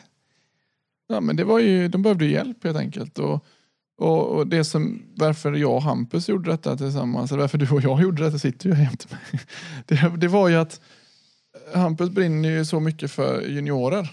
Du, du tycker ju det är så fantastiskt roligt att hjälpa juniorer och, och, och du, du, du är ordförande i en motor, motorklubb i så pass ung ålder som du är. Det var ju det som, jag hade mitt tävlingsmässiga.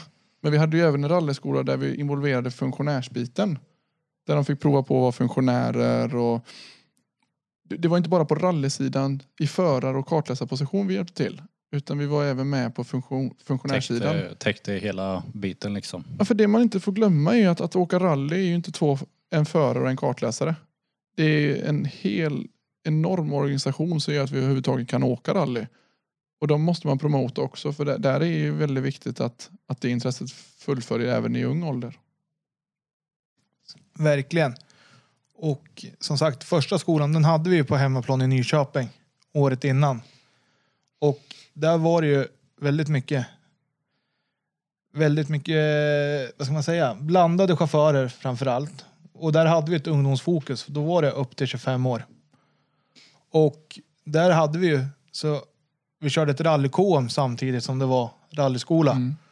Och då hjälpte ju de som körde rallyskolan till som funktionärer i både start och mål. För det är där man hör folk tycker det är jobbigt med tider, alltså incheckningar på sträckorna, skriva måltid. Alltså man är rädd att göra fel. Fast det finns så mycket hjälp att få nu med all digit digitalisering som finns. Så det är inte någon hjärnkirurgi att sitta i en startbil eller sitta i en målbil.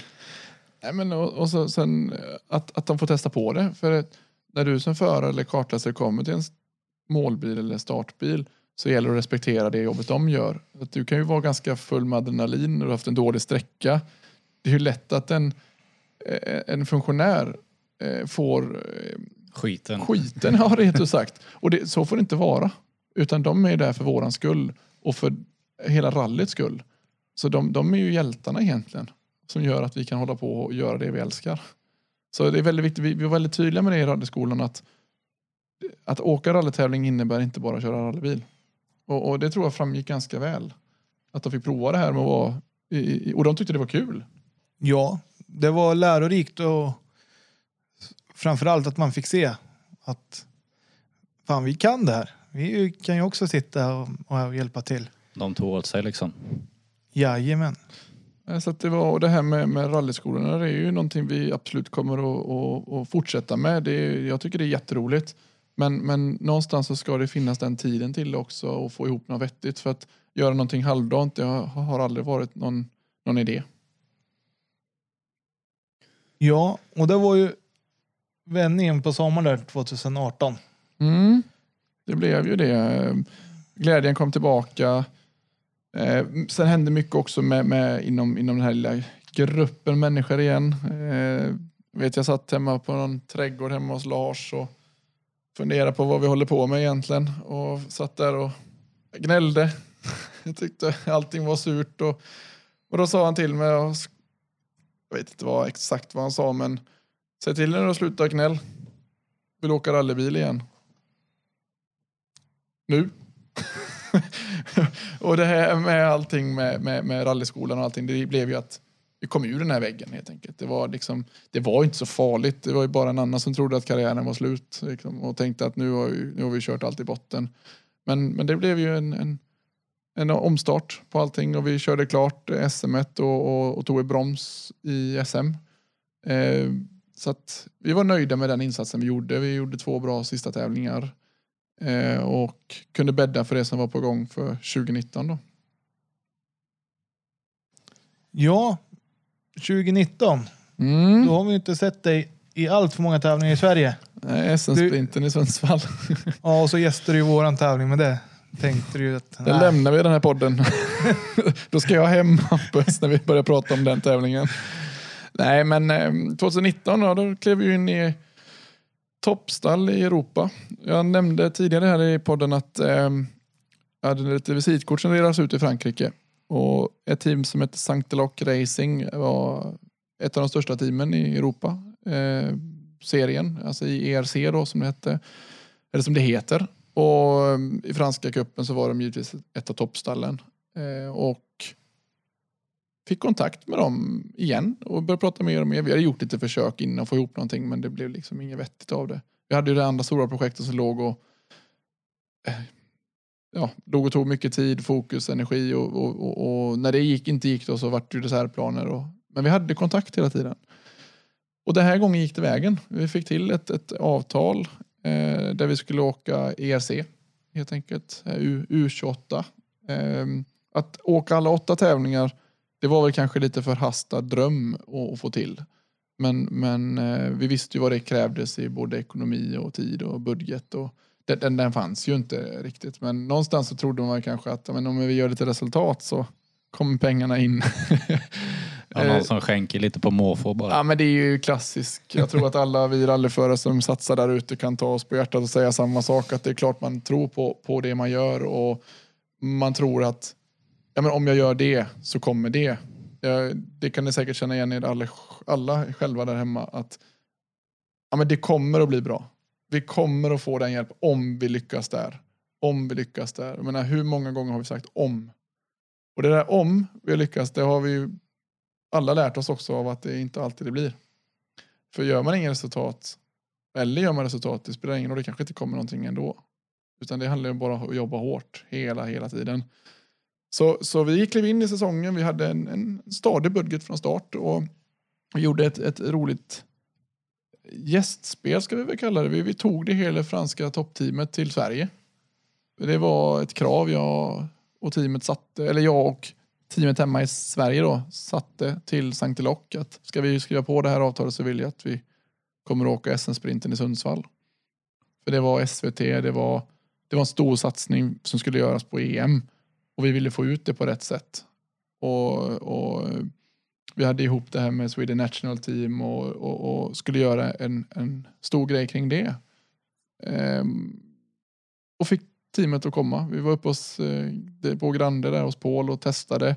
Och, och springa runt där med frusna fransmän, det var lite häftig känsla faktiskt. Vi, liksom, där har vi tagit ett av Europas största team upp till norra Sverige, eller norra Sverige, det är ju mittersta Sverige, men Östersund i alla fall upp i kalla vintern och börja testa en, en helt ny Citroën C3 R5.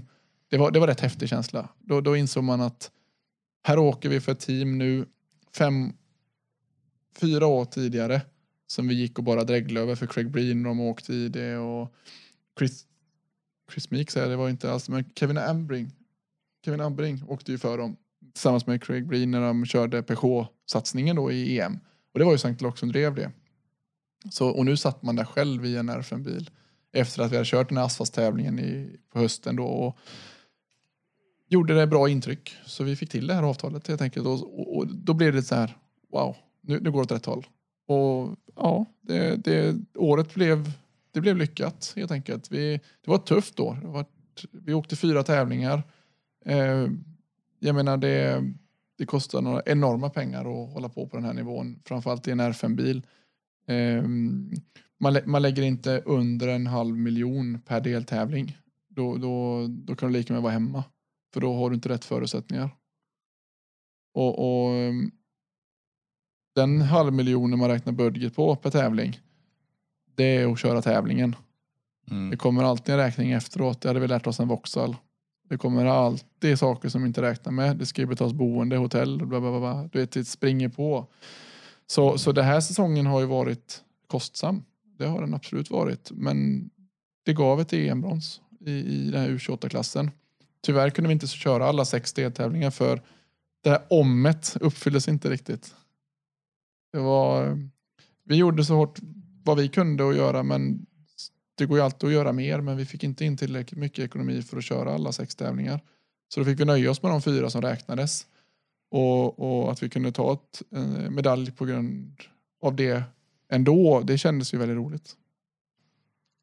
Sen eh, Azorerna, startade Azorerna i en R5, det var ju skithäftigt. Polen, Lettland och sen åka Tjeckien då. Det, där gjorde vi ett bilbyte mitt i allt. Ja, du kom ju... Du åkte Citroën de tre första tävlingarna. Mm. Och så hamnade du i en Ford sen. Ja. Och det berodde på? Ja, vad berodde det på? Det var ju så här att, att åka i ett franskt team som svensk chaufför med en Europamästare som teamkamrat. Det har både sina för och nackdelar. Ehm, vi är ändå uppe på så pass hög nivå och åker nu så att det här lite politiska spelet, det spelade ganska stor roll. Det var ju inte så att jag kan säga att vi hade de bästa förutsättningarna i teamet. Det, det gav ganska mycket fokus på en viss annan person, vilket å andra sidan är helt rätt, för det är så det fungerar. Du har en första förare och en andra förare. Jag menar när Alexej Lukanjuk blir din teamkamrat som har viss erfarenhet och ett EM-guld och jag vet inte ett antal VRC-starter med, med goda resultat och, eh, och ERC, jag vet inte hur många år, fem år har han väl åkt där. Det var ju bara att inse att, att eh, det är han de kommer fokusera på, de ska ta ett EM-guld med honom. Sen blir vi andra förare och försöka lära oss så mycket vi kan under vägens gång.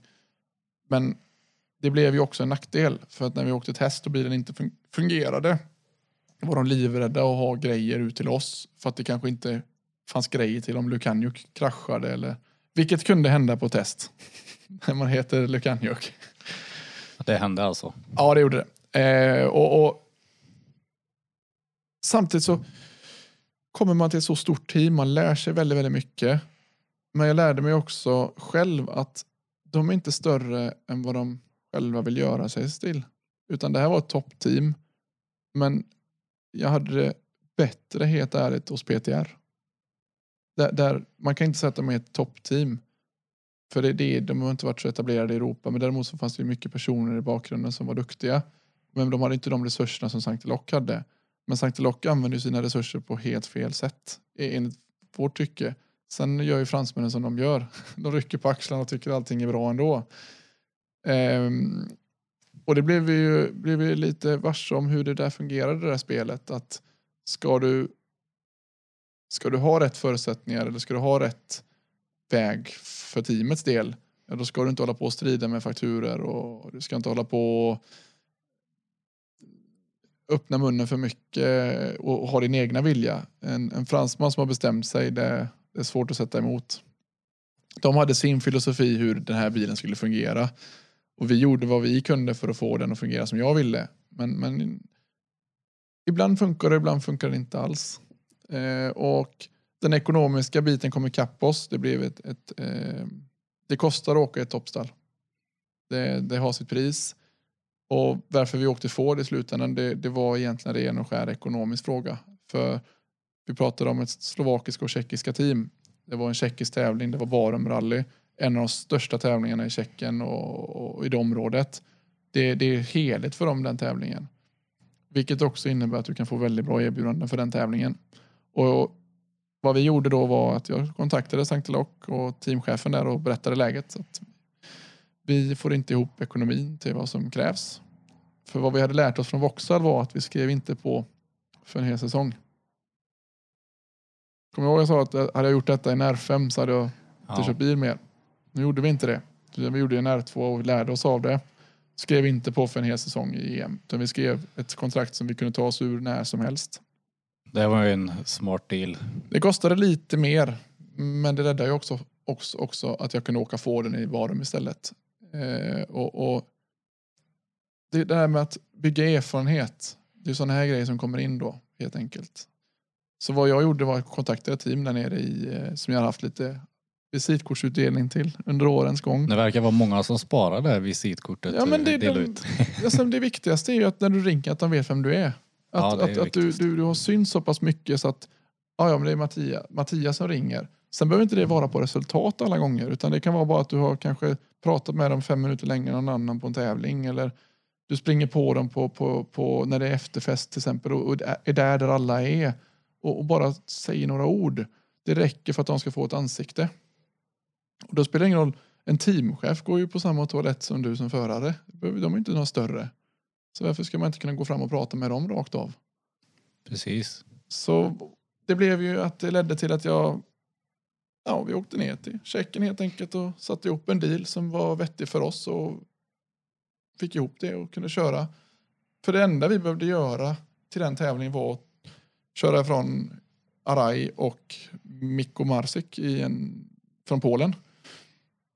Så bägge två kraschade bort sig första dagen. Och sen var ju, det var ju öppet mål i hela tävlingen. Och det var den värsta tävlingen någonsin jag och Andreas har kört. Åka med pressen. det gick så sakta så det är helt otroligt. vi visste ju bara det enda vi som kunde hända var att ringa och säga att vi har kört av vägen. Styrserven var la av de två sista natts, kvällsträckorna. Så jag körde utan styrservo i två sträck, långsträckor. Eh, vi eh, Alltså jag var så rädd för att åka av vägen. Så jag... Vad gjorde jag för mycket Hampus? Ja, du började tänka igen. ja, exakt. så så det, det blev ju att vi körde vi, vi behövde bara ta oss i mål. Vi behövde en enda poäng eftersom de bägge två hade åkt av. För att säkra bromset. Och vad, vad, vad, vad hade man valt för annan väg? Jag ska visa några sträcktider. Ja, det har vi lärt oss att det ger ingenting ändå. Det ger inga kontrakt att sätta några sträcktider i en sista EMD-tävling. Det som kan ge möjligheten det är att visa upp en EM-medalj. För då, sen, sen så är det klart att det är alltid bra att säkra sträcktider, men du får sätta i paritet, vad är det värt risken? Mm. Visst hade vi kunnat å, å gå upp på en högre nivå och sätta lite bättre tider. Men vi hade lika med kunnat få ringa det där samtalet också och säga att vi står av vägen. Bättre att få en me- medalj med sig hem än en dålig bil kanske. Näst sista sträckan kör vi dubbelpunktering. jag vet inte hur. Ja, Jag åkte så lugnt på vägen så jag åkte för lugnt. Så att, och det jag- Däcken var liksom inte vana. Nej, nej, de var inte vana att åka så sakta. det var ju liksom transport. Nej, men det, så, så sakta gick, gick, gick det ju.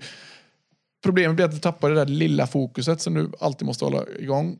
Och det kom lite stenar på vägen och pang, pang, pang och så vart det två stycken punkteringar. Nu hade vi ju räknat med att man kunde köra två punkteringar så vi hade ju två däck med oss. Men det var bra nervösa ögonblick och när vi stod och bytte det här däcket på sträckan så kom jag ihåg att vi, vi hade inte särskilt bråttom för vi var rädda att domkraften skulle kunna ramla ner och jag tror vi gjorde däckbyte på tre minuter eller någonting. Det var det här jättekast men det spelade ju ingen roll för vi hade ju vi behövde bara ta bilen i mål. Vad har ni tränat på för tid att byta ett däck? 1.27 är vårt rekord vi hade på, för vi, det, det tränar man alltid på när man kommer till en ny bil. Det, det ska bytas under två minuter. Eh, från att du hoppar, av, hoppar ur bilen fastspänd tills du hoppar i Men fastspänd. nu var det ju två hjul. Vad sa du? Nu var det Ja, väl det två blev- hjul också. ja, precis, Så det var ju rätt så bra tid ändå. Ja, men vi sket i det andra hjulet. Jaha, okej. Det är bara till målet. så så att det, var, det var ganska dålig tid faktiskt. Ja, ja, jag Men- räknar ju på två däck där. Ja, nej, men det som var var ju att, att, att vi hade ju god tid på oss och, och vi hade ju järnkoll på vad, som, vad, vad, vad vi skulle göra för att ta det här bromset. Och det var ju rätt så häftigt när vi klev över mållinjen på sista sträckan och pappa och ett andra svensk gäng stod där och hade en svensk flagga med sig. Och nu om två veckor så åker vi och hämtar EM-medaljen i Budapest i samband med prisceremonin. Mäktigt. Mm, ja, det, det, var, det, blev, det blev cool tillställning tror jag. Så att, ja, där är ju karriären just nu.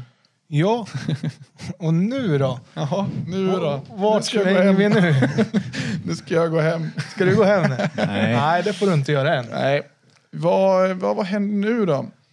Ja, vi, vi, eh, vi jobbar ju givetvis på... Som ni kanske har förstått här under podden så har jag ju tagit ett steg för varje år någonstans. Det är väldigt sällan sen, eller det har inte hänt att vi har backat av helt enkelt utan vi har ja, sakta men säkert klättrat oss uppåt. Och ehm, det finns egentligen tre vägar, eller två vägar att ta nästa år. Antingen så fortsätter vi i R5 och, och, och gör det på nationell hemma, hemmaarenan. Eh, vilket SM har ju blivit enormt starkt och ha roligt i en bil och åka på. Eh, den nivån som är de, de förarna som kör SM nu, det är ju enormt stora namn. Så det, det har ju blivit ganska bra status i SM. Och, och jag tycker att det är lika roligt att åka en tävling hemma i Sverige som att åka utomlands.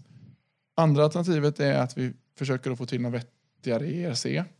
Men det kan jag säga redan nu, det ligger ganska långt bort för det är Dyrt. en halv miljon per deltävling.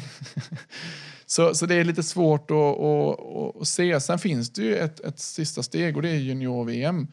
Eh, där vet jag att man brukar prata om en 50-årskris. Jag har 30-årskris. jag är 29 nästa år och, och, och lyckligtvis är man junior ända upp till 29 år i junior-VM. Och vi har gjort allting hittills i rallyväg. Vi har åkt ERC, vi har åkt junior ERC, vi har åkt en WRC2-tävling, vi har åkt SM, vi har åkt Frankrike, Svaken, massa nationella mästerskapstävlingar. Men vi har inte åkt junior-VM. Så det är klart att det är lite lockande eh, med tanke på vilket prisbord som finns där. Men då, är ju, då ska man ju ställa frågan till sig själv då. Tre år i en R5-bil. Gå ner till en R2 igen som jag körde 2016 senast. Är det rätt väg att gå? Det är väl lite där vi står och funderar just nu. Och där är ju också en ekonomisk budget som ska ihop. Och det man får göra är ju att göra en plus och minuslista helt enkelt. Och ehm, jag har varken emot, för eller emot att åka alla tre alternativen. Något av dem. Det viktigaste är att jag vill åka mer bil än vad jag gjort i år. För det har blivit alldeles för lite. Och vi gjorde ett inhopp igen. Får vi komma till det där Hampus då, som du vill att jag ska komma sitta här och ler mot mig hela tiden?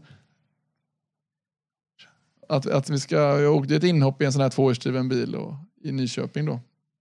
Ja, du kom ju dit och vi håsade ju upp dig lite grann där. Och, och så kom du tre sträckor. Ja, Ja, och sen var den tävlingen över. ja, Sen behöver vi inte prata mer om det. nej. jo, det kan vi göra. Man måste kunna prata om sina misstag också. Ja, la, la jag bilen på taket, helt enkelt. Men det gick ju bra fram dit. Ja, du satte i alla fall en bra sträcktid. Ja, jag ju talanglös bakom ratten. Vet du. Det, jag har suttit i en R5 i tre år och så tror att man ska kunna åka tvåhjulsdrivet igen. Det var ju bara att glömma. Nej, det var ju skitroligt. Alltså, dels att få komma till Nyköping och få åka den eh, roliga tävlingen. Men, men att åka SM igen var jättekul. I den bilen, en Renault R3 Clio. Det var, jag åkte lite test innan gjorde vi med bilen och, och kändes skitbra från start. Vad egentligen som man tar med sig och det misstaget vi gjorde var ju att jag insåg ju kanske inte själv riktigt vilket tempo vi åkte på i bilen. Utan jag tyckte det kändes ganska tryggt. Men i själva verket så var man ju ganska Alltså man var ju lite fartblind. För det, det går fortare än R5. Det, det, det, du känner lite mer vad som händer. I, det, det kändes så lugnt i, i, i Renault. Och jag förstod liksom inte. Vi satte rätt bra sträcktider på fredagen. Och, och, och vi kände att vi hade så mycket mer att, att, att ge. Det kändes som att det gick långsamt. Vilket det egentligen inte gjorde. För när man tittar på e- Incar-filmen sen så insåg man kanske att vi åkte fortare än vad jag själv kände. Och därav leder det till det misstaget. Vi, vi åkte för fort in i en kombination, tappade bakändan och sen fick jag ett så kallat rattfladder och räddade inte ut det. Nej. Ärlig, och- ärlighetens namn, det var ett misstag. och Ja. jag menar, det finns, man kan skylla på hundra miljarder grejer, men varför ska man skylla på någonting när det bara är ett enkelt misstag? Man brukar ju kunna skylla på kartläsaren säger man ju. Men Jag vet inte, rattfladder, jag vet inte, Andreas han kanske var på ratten lite grann. Nej då, det var, det var en, vi hade säkert kunnat och, och, och gjort det där mycket, mycket bättre än vad vi gjorde. Men, men vi gjorde det för att vi åkte dit för att ha riktigt roligt och, och summa summarum så var det bra att vi gjorde det ändå. För vi insåg ju hur kul det är att åka här hemma. Och sen var jag, jag är ju väldigt, väldigt revanschsugen i den här bilen, det kan jag ju lova. Men vi får väl se vad 2020 innefattar. ja, ska vi börja runda av den här podden? ja, vi har tre stående frågor vi Mm. har tänkt att ställa till varje förare och kartläsare. Ja. Vad är ditt bästa tävlingsminne? Tävlingsminne. Ja, men som förare, jag har ju jag har inte pratat så mycket om någon... Vi har ju märkt av att du har haft eh, rätt så fina tår i ögan, Ja, ögat eh, moment här men, ja, är det men, något som sticker ut eh, väldigt mycket? om, jag, om jag bortser från mitt egna alltså körande så har jag ju fått göra lite avstickande äventyr och åka safarirallyt bland annat tre gånger. Och jag kan väl säga det att åka kartläsare med Stig Blomqvist i safarirallyt 2017, det var ju det var rätt häftigt. Att, att se sitt egna M. Adielsson under så står det Sti- Stig S. Blomqvist ja. Blomqvist i en Porsche 911. Den, lite den känslan när man står på startlinjen där och ska gå upp som bil nummer ett i, i, i Safarirallyt. Den är ju rätt häftig. Eh, samtidigt som det var jäkla rädsla, för det var det var ju Stig. Det var... Eh, man vill ju inte ge bort sig det första man gör och jag, jag vet egentligen inte varför jag sa ja till det för att jag är ju kass som kartläsare. Men jag gjorde mitt bästa. Han måste ju tagit eh, in dig som kartläsare av, av någon anledning tänker jag. Ja, det var väl för att han var snäll då kanske. Nej men det, det var bästa, alltså, ett av de häftigaste minnena med Stig Blomqvist är ändå en legend. Det, det är ju hur många egentligen kan säga att de har åkt med Stig Blomqvist. Det, och, och jag som är inte en kartläsare får den möjligheten. Det, var ju, det är ju Team Tidö jag tackar för det. Och, och Stig själv givetvis. Men att stå där och få den respekten med sig att man är kartläsare hos Stig Blomqvist, det var häftigt. Det förstår jag mycket väl. Sen, och, och körmässigt sett så är det ju eh, Svenska rallyt. När vi, när vi eh, vann Shakedown. Det, är- när vi kom tillbaka till serviceplatsen och, vann, och, och alla kommer och intervjuar och WC-radion kommer och frågar hur känns det att vinna, vinna debuten i Shakedown i WC2. Ingen dålig hype där. Nej, det vart en rejäl hype. Det var väl den vi levde på hela den helgen tror jag. Eh, en annan fråga. Sämsta eller värsta garagetabben? Ja, men det har jag en rätt rolig historia. Jag, jag, jag måste blanda in, man ska inte skylla på någonting här. Utan jag, jag och pappa var samtidigt i garaget, det var vi. Men, men vi var med ungdomsrallytiden. Vi stod i ett eh, garage eh, som, som vi hade hyrt in oss i. Eh, ett kallgarage var det väl. Så vi, vi hade ingen lyft eller någonting sånt. Det var, det var lite mäckigt jobb. Pappa hade billiften för bil, bilverkstaden full med, med jobb så det fick inte plats helt enkelt. Så vi fick låna det garaget. Och skulle byta ur, koppling på, på polon. Och det är, ni som har skruvat med en sån bil vet ju att det, det är en sån växellås skruvar man kanske inte ner på 30 minuter. Utan det, det, är lite jobb med det och meck och det var sent en kväll och det var började närma sig rallytävling och ja, man brukar alltid vara ute i god tid när det är rallytävling också. Det är aldrig stress i det sista. Innan. Ja, ja, ja. och vi skruvar och skruvar och skruvar och så ska vi hoppa in i bilen så ska jag trycka ner på kopplingspedalen. Den går rätt i botten bara, och där stannar den. Precis när det händer så hör pappa utifrån att den slår i botten. Och så tittar vi på verktygsskåpet som står till höger. Så ligger uttrampningslagret på, Oh no. på verktygslådan. Så det fanns ju inget uttrampningslager helt enkelt. Bara riva igen alltså. Det var, och jag vet, det, pappa fick ju ett jäkla frispel och jag, jag tänkte det. Det är inte nu man ska fråga varför gjorde vi så? så det, det, var, det var en garagetabbe utan alldeles lika. Sen har jag väl dragit av några bultar här och var. Det har väl hänt. Jag har ju varit bilmekaniker. Ja. Jag tänkte i tävlingsform och sådär. Ja men det var, det, ja. Jag har ju ställt till med mycket dumheter på vägen. Kör in till då. Det är bara kul att göra sånt tycker jag. Ja men eh, jag har ju tappat en bil på domkraften i Barumrally till exempel. Ramlade ju på skivan. Jag har ju bara ren bondtur att inte skivan sprack. Ja, det hade varit jobbigt kanske. Ja, då hade jag nog fått bryta den tävlingen. men, eh, nej, men det är ju sådana grejer som händer. Det, det, det är ju en riktig tabbe. Man, man sätter ju klossar under hjulen efter det. Mm. Men den rullar ju bilen så att det, det ramlar ju rätt ner bara. Det var ju tur. Vad är det mer för garagetabbar man har gjort? Aldrig några huvlås. Nej, nej det har jag faktiskt klarat mig från. Jag har aldrig, aldrig slått upp en huv för mig. Det känns som eh, det har hänt alla annars. Baklucka har jag glömt att stänga men aldrig ett huvlås. Ja, det ser man ju ett par som åker Mm, runt med. men det är ju extra Utan- downforce vet du. nej, eh, nej, jag tror det. Jag får säkert, någon får väl säkert någon rättning på det där men nej, inte vad jag kan komma ihåg. Och den tredje är ju... Vi hörde ju om Askersund där att det var en riktigt tråkig tabbe i skogen att göra. Mm. Men finns någon sån här riktig vända du har gjort som har satt sig så du tänker på precis innan sista gaspådraget att "Ah, det kan gå så här.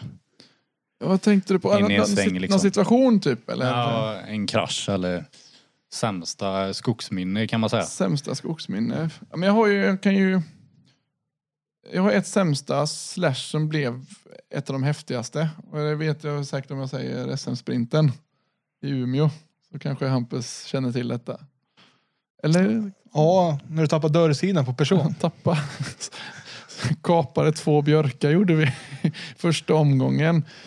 Eh, Kom dit och, och, och körde allt vad vi kunde och så rätt ut i skogen, vart lite smalare så tappade jag bilen. Eller det gick alldeles för fort in i svängen helt enkelt. Så jag Patrik Barts eh, högersida där blev ju lite demolerad och vi fällde väl lite björkar. Och, alltså det var ju ingenting kvar av högersida i princip. Det var ju, hela dörrsidan slets av. Och jag vet ju glassplitter och allting som kom in och vi kommer tillbaka in till servicen och he- helt otroligt nog så får teamet ihop bilen och vi får starta andra omgången och jag behöver ju sätta snabbaste tiden för att gå vidare. Och, och vi gör det och det slutar med ett SM-guld. Det, det var rätt häftigt. Ja, det förstår jag. Så det var ju, ja men det är så svårt att, något, något sånt här minne också där man har liksom gjort någon Man förtränger kanske gärna sånt kan jag tänka mig. mentalt så ska man ju fokusera bort från det som var dåligt. Men eh, det har ju, jag nämnde Askersund och Sydsvenska är ju två idiotmisstag. Eh, visst, har- och jag höll igenom någon brunnslock och rullade. Berättade om någon bil som började brinna och grejer. Och, jag har ju inte varit alltid på vägen. Jag tänker när det har satt sådana spår att du har genat och det har blivit så katastrofalt två gånger Mm. efter varann. Mm. Finns det någonting sånt som ligger i bak när du genar nu för tiden? Ja, men det, Jag kanske inte ska gena. Ja, men det, det, jag tror att vi kom... det var inte lärdomen av det där egentligen. Det blev ju visserligen inte att gena. Jag, är ju dum att sitta och säga att jag fortsatte gena lika mycket. Men det var inte att jag genade mer än någon annan. Det var bara att jag genade på fel sätt. Och det var en period antagligen som det bara skulle bli så. För jag hade lika mycket kunnat, jag menar jag kan säga i Azorerna då träffade jag ju sju miljarder sådana stenar som slog av ett styrstag där. Det var, det var bara att jag träffade hjulet precis så som man inte ska träffa. I fel vinkel liksom. Ja, och, och, och, och vi insåg att man kanske ska vara lite mer noggranna på reken, att det kan komma vassare stenar. Men så när jag kom till EM och åkte, vi åker Polen, Lettland, Azorerna, det är två, Azorerna framförallt, det är galet tuffa vägar bitvis. Polen, det går två djupa spår. Ska du börja undvika och gena och grejer, då kan du ju glömma att ta medaljer. Det, det är liksom, du får ta de riskerna. Titta bara på hur VM-killarna och tjejerna genar. Det, det, går, det går ju överallt, över stock och sten. Och ibland så slår du av ett styrstag, ibland klarar du dig. Ska du börja undvika allting, då kommer du åka för långsamt. Så det är ju dumt att säga att man inte har lärt sig någonting. Lite har vi lärt oss. Ja, då är det dags att stänga ner podden för idag. Jaha. Ja, och vi vill ju tacka dig för att du kom hit Mattias. Ja, men, Väldigt ja. eh, lätt att prata med. Vi har ju inte behövt säga några motfrågor så mycket som Nej, väldigt det, det bra väl- första gäst. Nej, men jag tycker väl det är viktigt att, eh, att vi, vi pratade om det innan, att vi skulle dela med oss av vad som har hänt och skett. Och, och allt är inte guld och gröna ängar. Och det, det vill vi, jag få fram i detta. Ja, och det är ju alltid lika kul att höra historier från, från scratch om man säger. Och vi kommer ju fortsätta med den här podden under vintern. Ja, det är lite det uh, våran tanke med den här podden att eh, vi ska ju få fram lite personer bakom namnen. Och eh, man står ju och pratar om förarna ute i skogen och sådär men man vet ju inte riktigt vilka de är fullt ut egentligen. Vad de har gjort och Nej, men det blir väl, man, man kanske bygger upp en fasad som man inte tänker på ute i sko- i skogen. Man vill ju helst inte göra det, men nu, nu så här kanske man får lära känna mig lite mer efter att ha lyssnat på det. Och jag, jag tycker det är så roligt att vara med i en sån här podd för att det Framförallt så finns det ju ingen i dagsläget. Nej, vi är ju först med vad vi vet om i alla fall. Ja, precis. Och, och att ta sånt här initiativ och, och, och starta rally, rallypodd, det, det tycker jag är jätteroligt för det behövs. Så jag är bara tacksam och glad att jag fick vara med. Vi tackar dig Mattias än en gång och hoppas vi ser dig i, någon form av styrning till 2020. Ja, det kommer ni få göra. Tack så jättemycket. Och ja, vi måste ju tacka Johan på Norders som ger oss detta, denna underbart eh, bra tillfälligheten eh, via Onroaders och kunna göra denna podden liksom. Ja, det är en superstor chans vi får här. Ja, bra för rallysporten, helt klart. Men vi tackar Mattias och syns vi. Ja, tack så mycket.